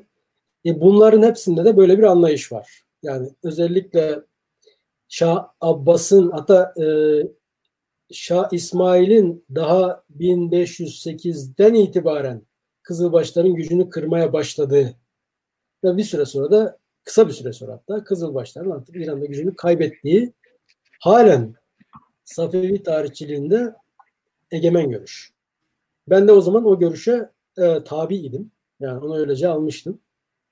Şimdi işin içine girdikçe bunun böyle olmadığını düşünüyorum. Yani bu Kızılbaş davasının sönüşünün bir 100 yıldan uzun sürdüğünü, 16. yüzyıl İran'da tamamen Kızılbaş yüzyıl olduğunu düşünüyorum artık.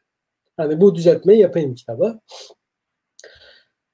Ee, Şah İsmail'e gelince şimdi oturup bir tarihi roman yazsanız Hollywood'da film çekmek için böyle Game of Thrones gibi yazabileceğiniz en muhteşem, en ilginç, en böyle enteresan senaryo bile Şah İsmail'in hayatını olacak. Ya adam öyle bir hayatı var ki gerçekten en ideal romanların bile ötesinde bir çekiciliği var. Öyle bir hayat olmuş yani. Şimdi düşünün siz bir yaşınızdasınız. Savaş meydanında babanız öldürülüyor. Siz de orada yani zaten bunlar konar göçer Türkmen hayatı yaşadıkları için muhtemelen çocuklar da yakındı yani savaş meydanına. Bir başkent başkent yok yani. Belki de uzaktan seyrettiler. Annesi filan. Tabii çocuk ne anlar bir yaşında. Hayata böyle başlıyorsunuz. Sonra kardeşleriniz ve annenizle beraber o babanızı öldüren güç ki bu Akkoyunlu e, gücü işte o savaştığınız güç alıyor sizi bir kaleye tıkıyor. Ta Şiraz'da yani İran'ın derinliklerinde İstahr Kalesi'nde dört buçuk yıl bunlar bu kalede kalıyorlar. Üç kardeş Ali, İbrahim ve İsmail ve anneleri Alemşah Begüm ki e, şeyin kardeşi bu Akkoyunlu hükümdarının kardeşi Şah, e, Uzun Hasan'ın kızı Şeyh Haydar'ın eşi, hanımı. Bunları beraberce koymuş veya emretmiş, hapse göndermiş. Orada dört buçuk yıl kalıyorlar. Sonra o kaleden ancak e, ak koyunlu prensleri kendi aralarında taht kavgasına girince bunlardan birisinin sizin müritlerinizin askeri gücünden faydalanmak amacıyla size ihtiyaç duymaları sayesinde kaleden çıkıyorsunuz. Rüstem Mirza bunları alıyor, çıkarıyor. Tabi çıkınca o Kızılbaş askeri kapasitesi yüksek müritler toplanıyor ve onların sayesinde Rüstem Mirza rakiplerini bertaraf ediyor. Akkoyunlu tahtını ele geçiriyor. Tabi Akkoyunlu tahtını ele geçirince ilk yaptığı iş bu prensleri yani Safevi prenslerini bu üç çocuğu ortadan kaldırmak oluyor. Yani ona niyet ediyor. Böyle bir plan yapıyor. Bunu duyan Ali o zaman için e, Şeyh Ali ama daha çocuk o da çocuk. Erdebil'e doğru kaçıyor. Kaçarken yolda arkadan 5000 kişilik bir ordu geliyor ve bunları yetişiyor. Mesela burada çok epik bir sahne var. Ali yanında 300 küsür civarında Kızılbaş var. 5000 kişilik ordu geliyor buradan kaçış olmadığını anlıyor. Yani herkes buradan kurtulamayacak. Orada ada ya o genç tabi etrafındakilerle gö- görüşmüştür. Yine biz bir kişiye hitap ediyoruz ama bu bir kolektif akıl. Oradaki Kızılbaş reisleriyle konuşup hanedanın sükuta erme, sükut bulmaması için, kesilmemesi için bir çare olarak orada e, şeyhliği 7 yaşındaki İsmail'e teslim ediyor. Böyle bir ritüel düzenliyorlar. Bunların geçişleri de belli ritüellerle olur. Bir takım gizli sözleri kulağına fısıldar, işte tacı o kızılbaş tacını alır, kafasına koyar, kılıcını alır, ona kuşatır filan. Böyle bayağı oturmuş bir ritüeli var bunun. 7 yaşındaki İsmail'i mürşidi kamil olarak kendi yerine dikiyor ve o işte 7 kişi dediğimiz Sufican, e, Lahican Sufileri adıyla meşhur olmuş insanları bunlar yedi olmayabilir. Onlara teslim ediyor. Diyor ki her ne olursa olsun bu kardeşlerimi yaşatacaksınız. Onları gönderiyor. Kendisi geriye kalan 300 kişiyle 5000 kişilik orduyu meşgul ediyor. Zaman kazanıyor yani. Hikaye böyle başlıyor. Ondan sonra Erdebil'de bir süre saklanıyorlar. Akkoyunlar geliyor. Elde ev ev arıyorlar. Kadınlara işkence yapıyorlar. Hiçbirisi söylemiyor yerini.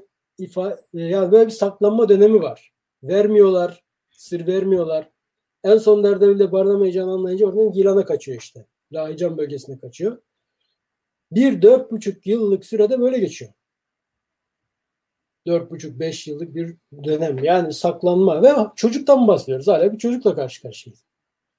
Her an yani bunların hayatına baktığınız zaman her an ölebilirdi.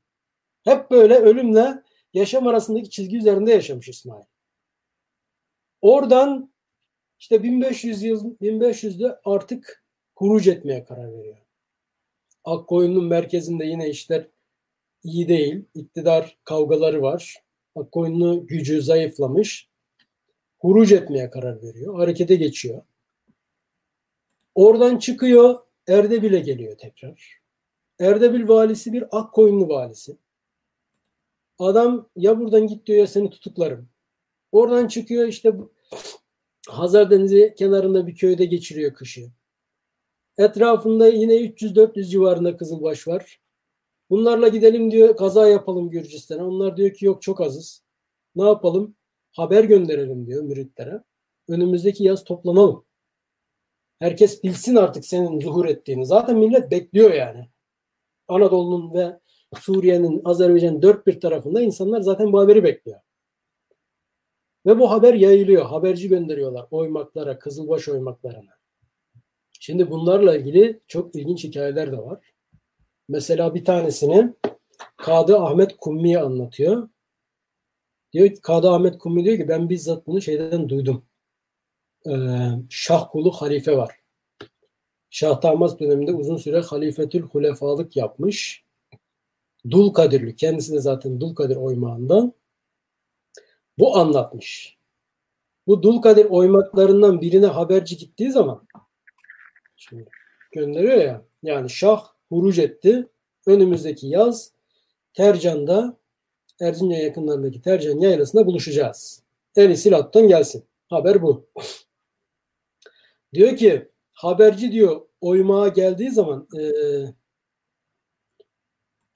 oymak başka bir kelime vardı ama bu aşiret birim için kullandığımız oba oba. Obaya geldiği zaman e,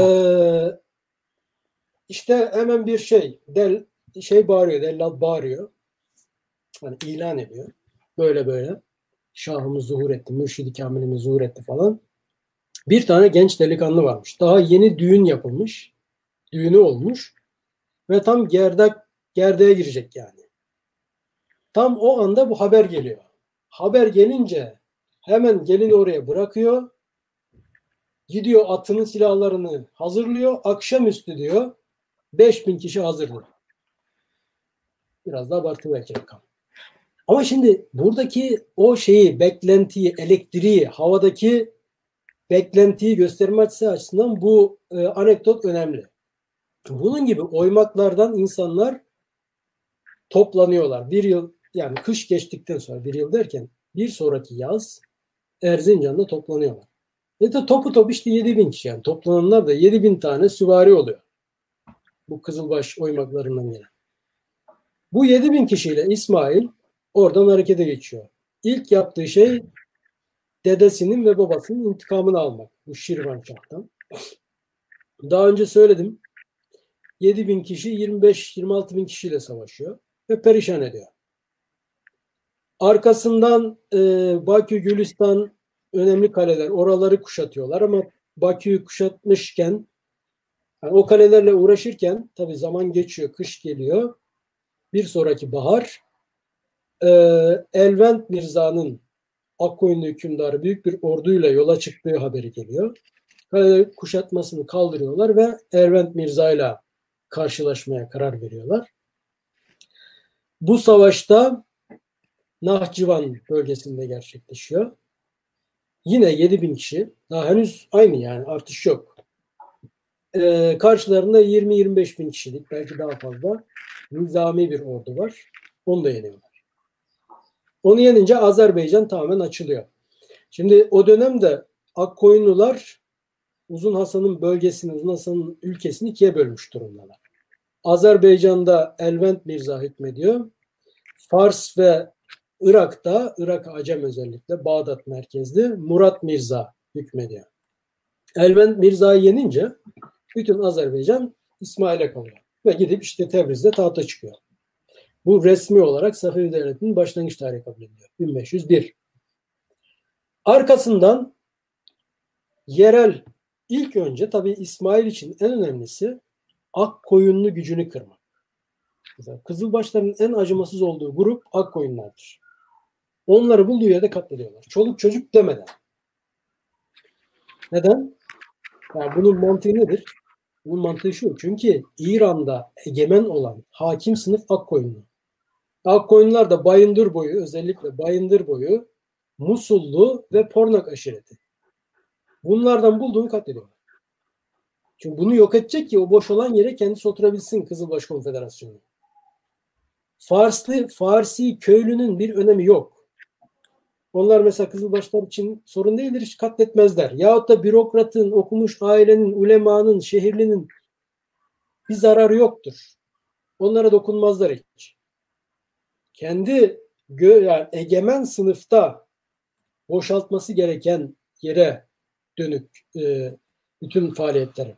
Ve burada birinci aşamada ak koyunlu askeri aristokrasisini yok etmesi lazım ki büyük oranda ediyorlar. Bunlardan Musulluların bir kolu Emirhan liderliğinde bir kolu erken bir tarihte Şah İsmail'e gelip tabi oluyor.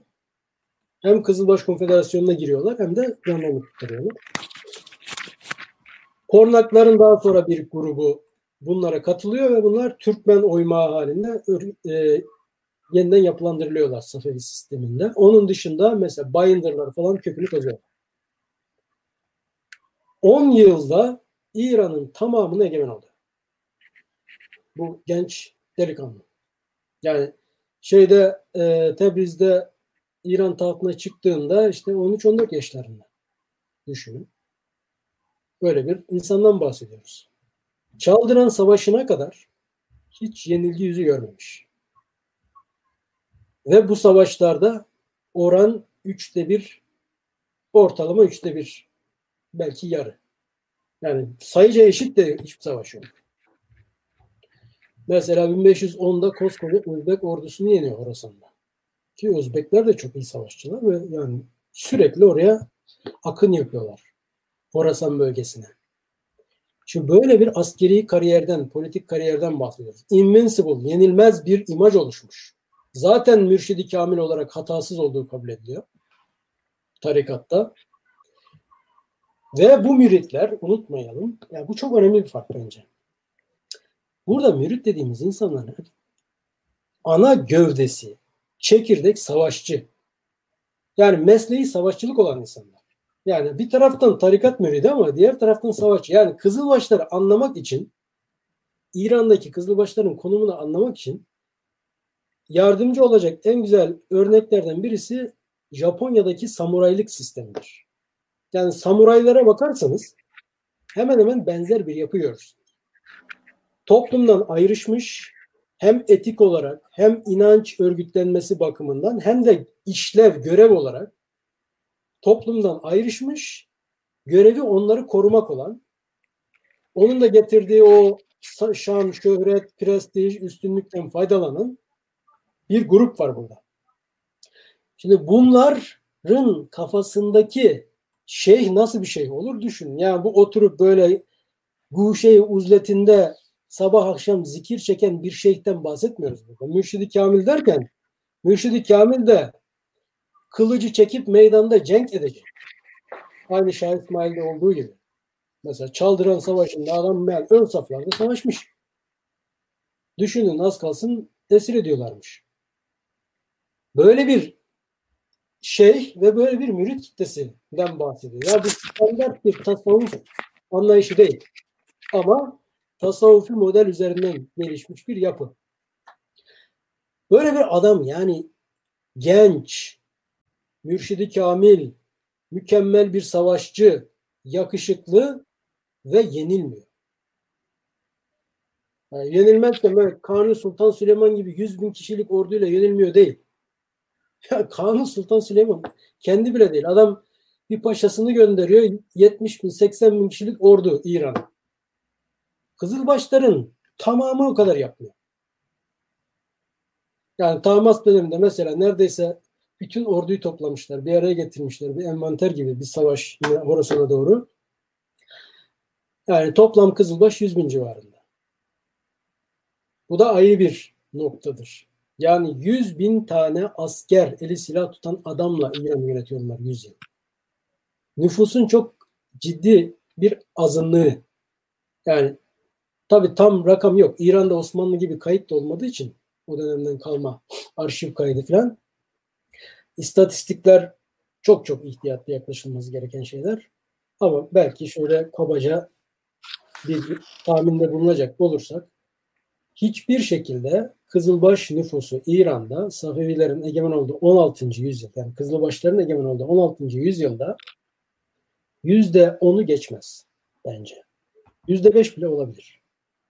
Yani azınlık var. Çok az var sayıları. Orduları çok az. Yani tamamı 100 bin kişiye zor ulaşan bir ordu bütün İran'da sürekli 16. yüzyıl boyunca doğudan Özbekler, batıdan Osmanlılar sürekli saldırmış İran'a. Ve Osmanlı bir, bir gönderdiğinde işte 50, 60, 70, 100 bin kişilik ordu gönderiyor. Böyle de bir şey var, orantısızlık var. Ama ona rağmen Şah İsmail'e bakıyorsunuz Çaldıran Savaşı'na kadar yenilmemiş. Öyle ki Çaldıran Savaşı'nda bunların psikolojisi çok ilginç. Daha sonra ta, Tahmasp tezkeresinde de yazmış birazdan söylerim. Şimdi Osmanlılar Çaldıran biraz uzak Osmanlı'ya çok uzak aslında. Şimdi Van Van'ın kuzeyinde. O zaman Osmanlı bölgesi değil tabii ki Çaldıran. Ee, artık git git git düşman yok bir şey yok. Millet aç susuz kapuçlar yırtılmış tamamen orduda. Ordu neredeyse isyan noktasında. Bu ne böyle diyorlar. Düşman yok. Nereye gidiyoruz biz? Dönelim geri dönelim. Böyle homurtu hat safhada ve çok yorgunlar. Nihayet Çaldıran'da savaş e, kararı alınınca Osmanlı ordusu da Çaldıran meydanına gelince Kızılbaş ileri gelenlere, hanlar toplanıyorlar. Bir savaş meclisi kurup istişare yapıyorlar. Ne yapalım, nasıl bir strateji takip edelim diye. Ustaçlı reislerinden Muhammed Han ki bu çok özel bir adamdır. Yani o dönemde mesela han unvanı taşıyan diğerleri hep bey. Bayram Bey Karamanlı, Hüseyin Bey Lala, Abdi Bey Dede ama bu adama han demişti o zaman. Muhammed Han. Bir kere çok iyi bir general olduğu kesin. Çok iyi bir asker olduğu kesin. Diyarbakır bölgesinde Osmanlıların canını okumuş resmen. Osmanlılardan ve aynı zamanda Dulkadirlerin canını okumuş. Böyle bir adam. Biliyor yani. Tecrübesi de var Osmanlı ile savaştığı için. Diyor ki hiç fırsat vermeyelim. Bunlar çok yorgun. Hemen diyor savaşı başlatalım. Durmuş Han var. Bu da Şamlı. Şamlıların reisi. O da diyor ki sen otur diyor. Senin sözün Diyarbakır'da geçer. Yarına kadar bekleyelim diyor. Yarın nizami savaş yapalım. Şimdi Şah İsmail de o özgüveni yansıtması açısından söylüyorum. Adam o kadar emin ki kendinden demek ki. Nasıl olsa hep yendik şimdi Yani öyle bir hayal dünyasına neredeyse girmişler. Ben diyor şey değilim. Kervan soyguncusu değilim diyor. Böyle baskın yapayım. Adamlar bir yerleşsinler diyor, dinlensinler, nefes alsınlar. Mantığa bak. Yarın diyor adam gibi savaşırız. Osmanlı'ya bu fırsatı veriyorlar. Hakikaten Osmanlı da güzelce yerleşiyor. Savaş meydanında düzeneğini kuruyor falan. Güzel vakitleri var. Hatta ve hatta Osmanlılar savaş meydanına yerleşirken Şah İsmail avla meşgul. Ava gidiyor adam ya. Ve o gece içip sarhoş olmuşlar. Böyle bir dünya. O kadar özgüven yani. Tabii ertesi gün savaş başlıyor. Sayıca yine bir denk olmama durumu var. Tabii rakamlar tartışmalı. Şimdi Safevi kaynaklarında her zaman şu var. Böyle düşmanın sayısını artırıp abartıp Safevi ordusunun sayısını biraz düşük göstermek. Ben böyle bir kanaat edindim okudukça. Ama genelde baktığınızda ya yarıya yakın ya da böyle üçte bir iki oranında ama eşit değil kesinlikle yani. Yarı diyebiliriz yani Safevi ordusu Osmanlı ordusunun yarısı gibi bir şey sayacağız. Fakat yine de bu savaşta Kızılbaşlar önce üstün gelmeye başlıyorlar.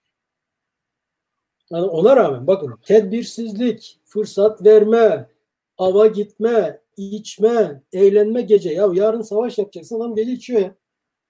Şimdi böyle bütün bunlara rağmen yine de özellikle bu Muhammed Han'ın e, komuta ettiği kanat dağıtıyor karşısındaki Osmanlı kanadını.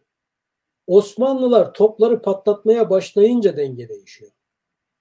Ve burada da Venedikli gözlemcilerin kaydettiğine bakacak olursak esas Safevi ordusunun bozulmasının sebebi işte top güllelerinden dolayı insanların ölmesi falan değil. Zaten o zayiat oluyor. Muhammed Han'ın kendisi de bir top güllesiyle ölüyor.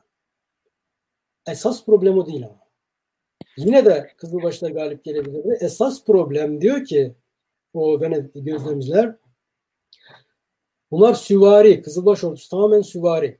Süvari demek at ve insandan oluşan bir kompleks bütün demektir. Bunlar beraber savaşır. Sadece adam savaşmaz yani. At da savaşı bilmesi gerekiyor. Yoksa süvarilik yürümez. Yani atın savaş meydanında nasıl davranacağını bilmesi lazım. Emir komutayı takip edebilmesi lazım. Şimdi savaşa girdiğinde herkes kafasına göre dalmıyor. Belli bir emir komuta takip ediyor değil mi? Öbür türlü başarılı olamazsın. E bunu at bilmezse nasıl davranacağını nasıl bu emir komuta meydanda kontrol e, muhafaza edilecek? İşte toplar patlamaya başlayınca arka arkaya güm güm güm bunlar atların hiç duymadığı sesler. Hiç duymadığı sesler görünce atlar emir komuta zinciri kopuyor. Yani atlar kontrol dışı davranmaya başlıyor. Kızılbaş süvarilerin atları ve ondan sonra Safevi ordusu dağılıyor. Yani böyle bir mağlubiyet var. Aslında o kızıl çaldıran mağlubiyeti de ve mutlak bir askeri üstünlükle net bir şekilde zaten olması gereken bir sonuçmuş gibi kazanılmış bir zafer değil Osmanlı açısından. Onu anlatmaya çalışıyorum. Eğer o top faktörü olmasaydı sayıca üstün olmalarına rağmen, tüfek kullanmalarına rağmen bol miktarda yine de o savaşı dahi Kızılbaşlar kazanabilirdi. Böyle bir adam tam bahsediyoruz. Tabii Kızılbaş e, çaldıran savaşı, mağlubiyeti bu imaja büyük bir darbe vuruyor. Ondan hocam, sonra Şah İsmail'den bahsedebiliriz. Hocam e, bitirmek zorundayız.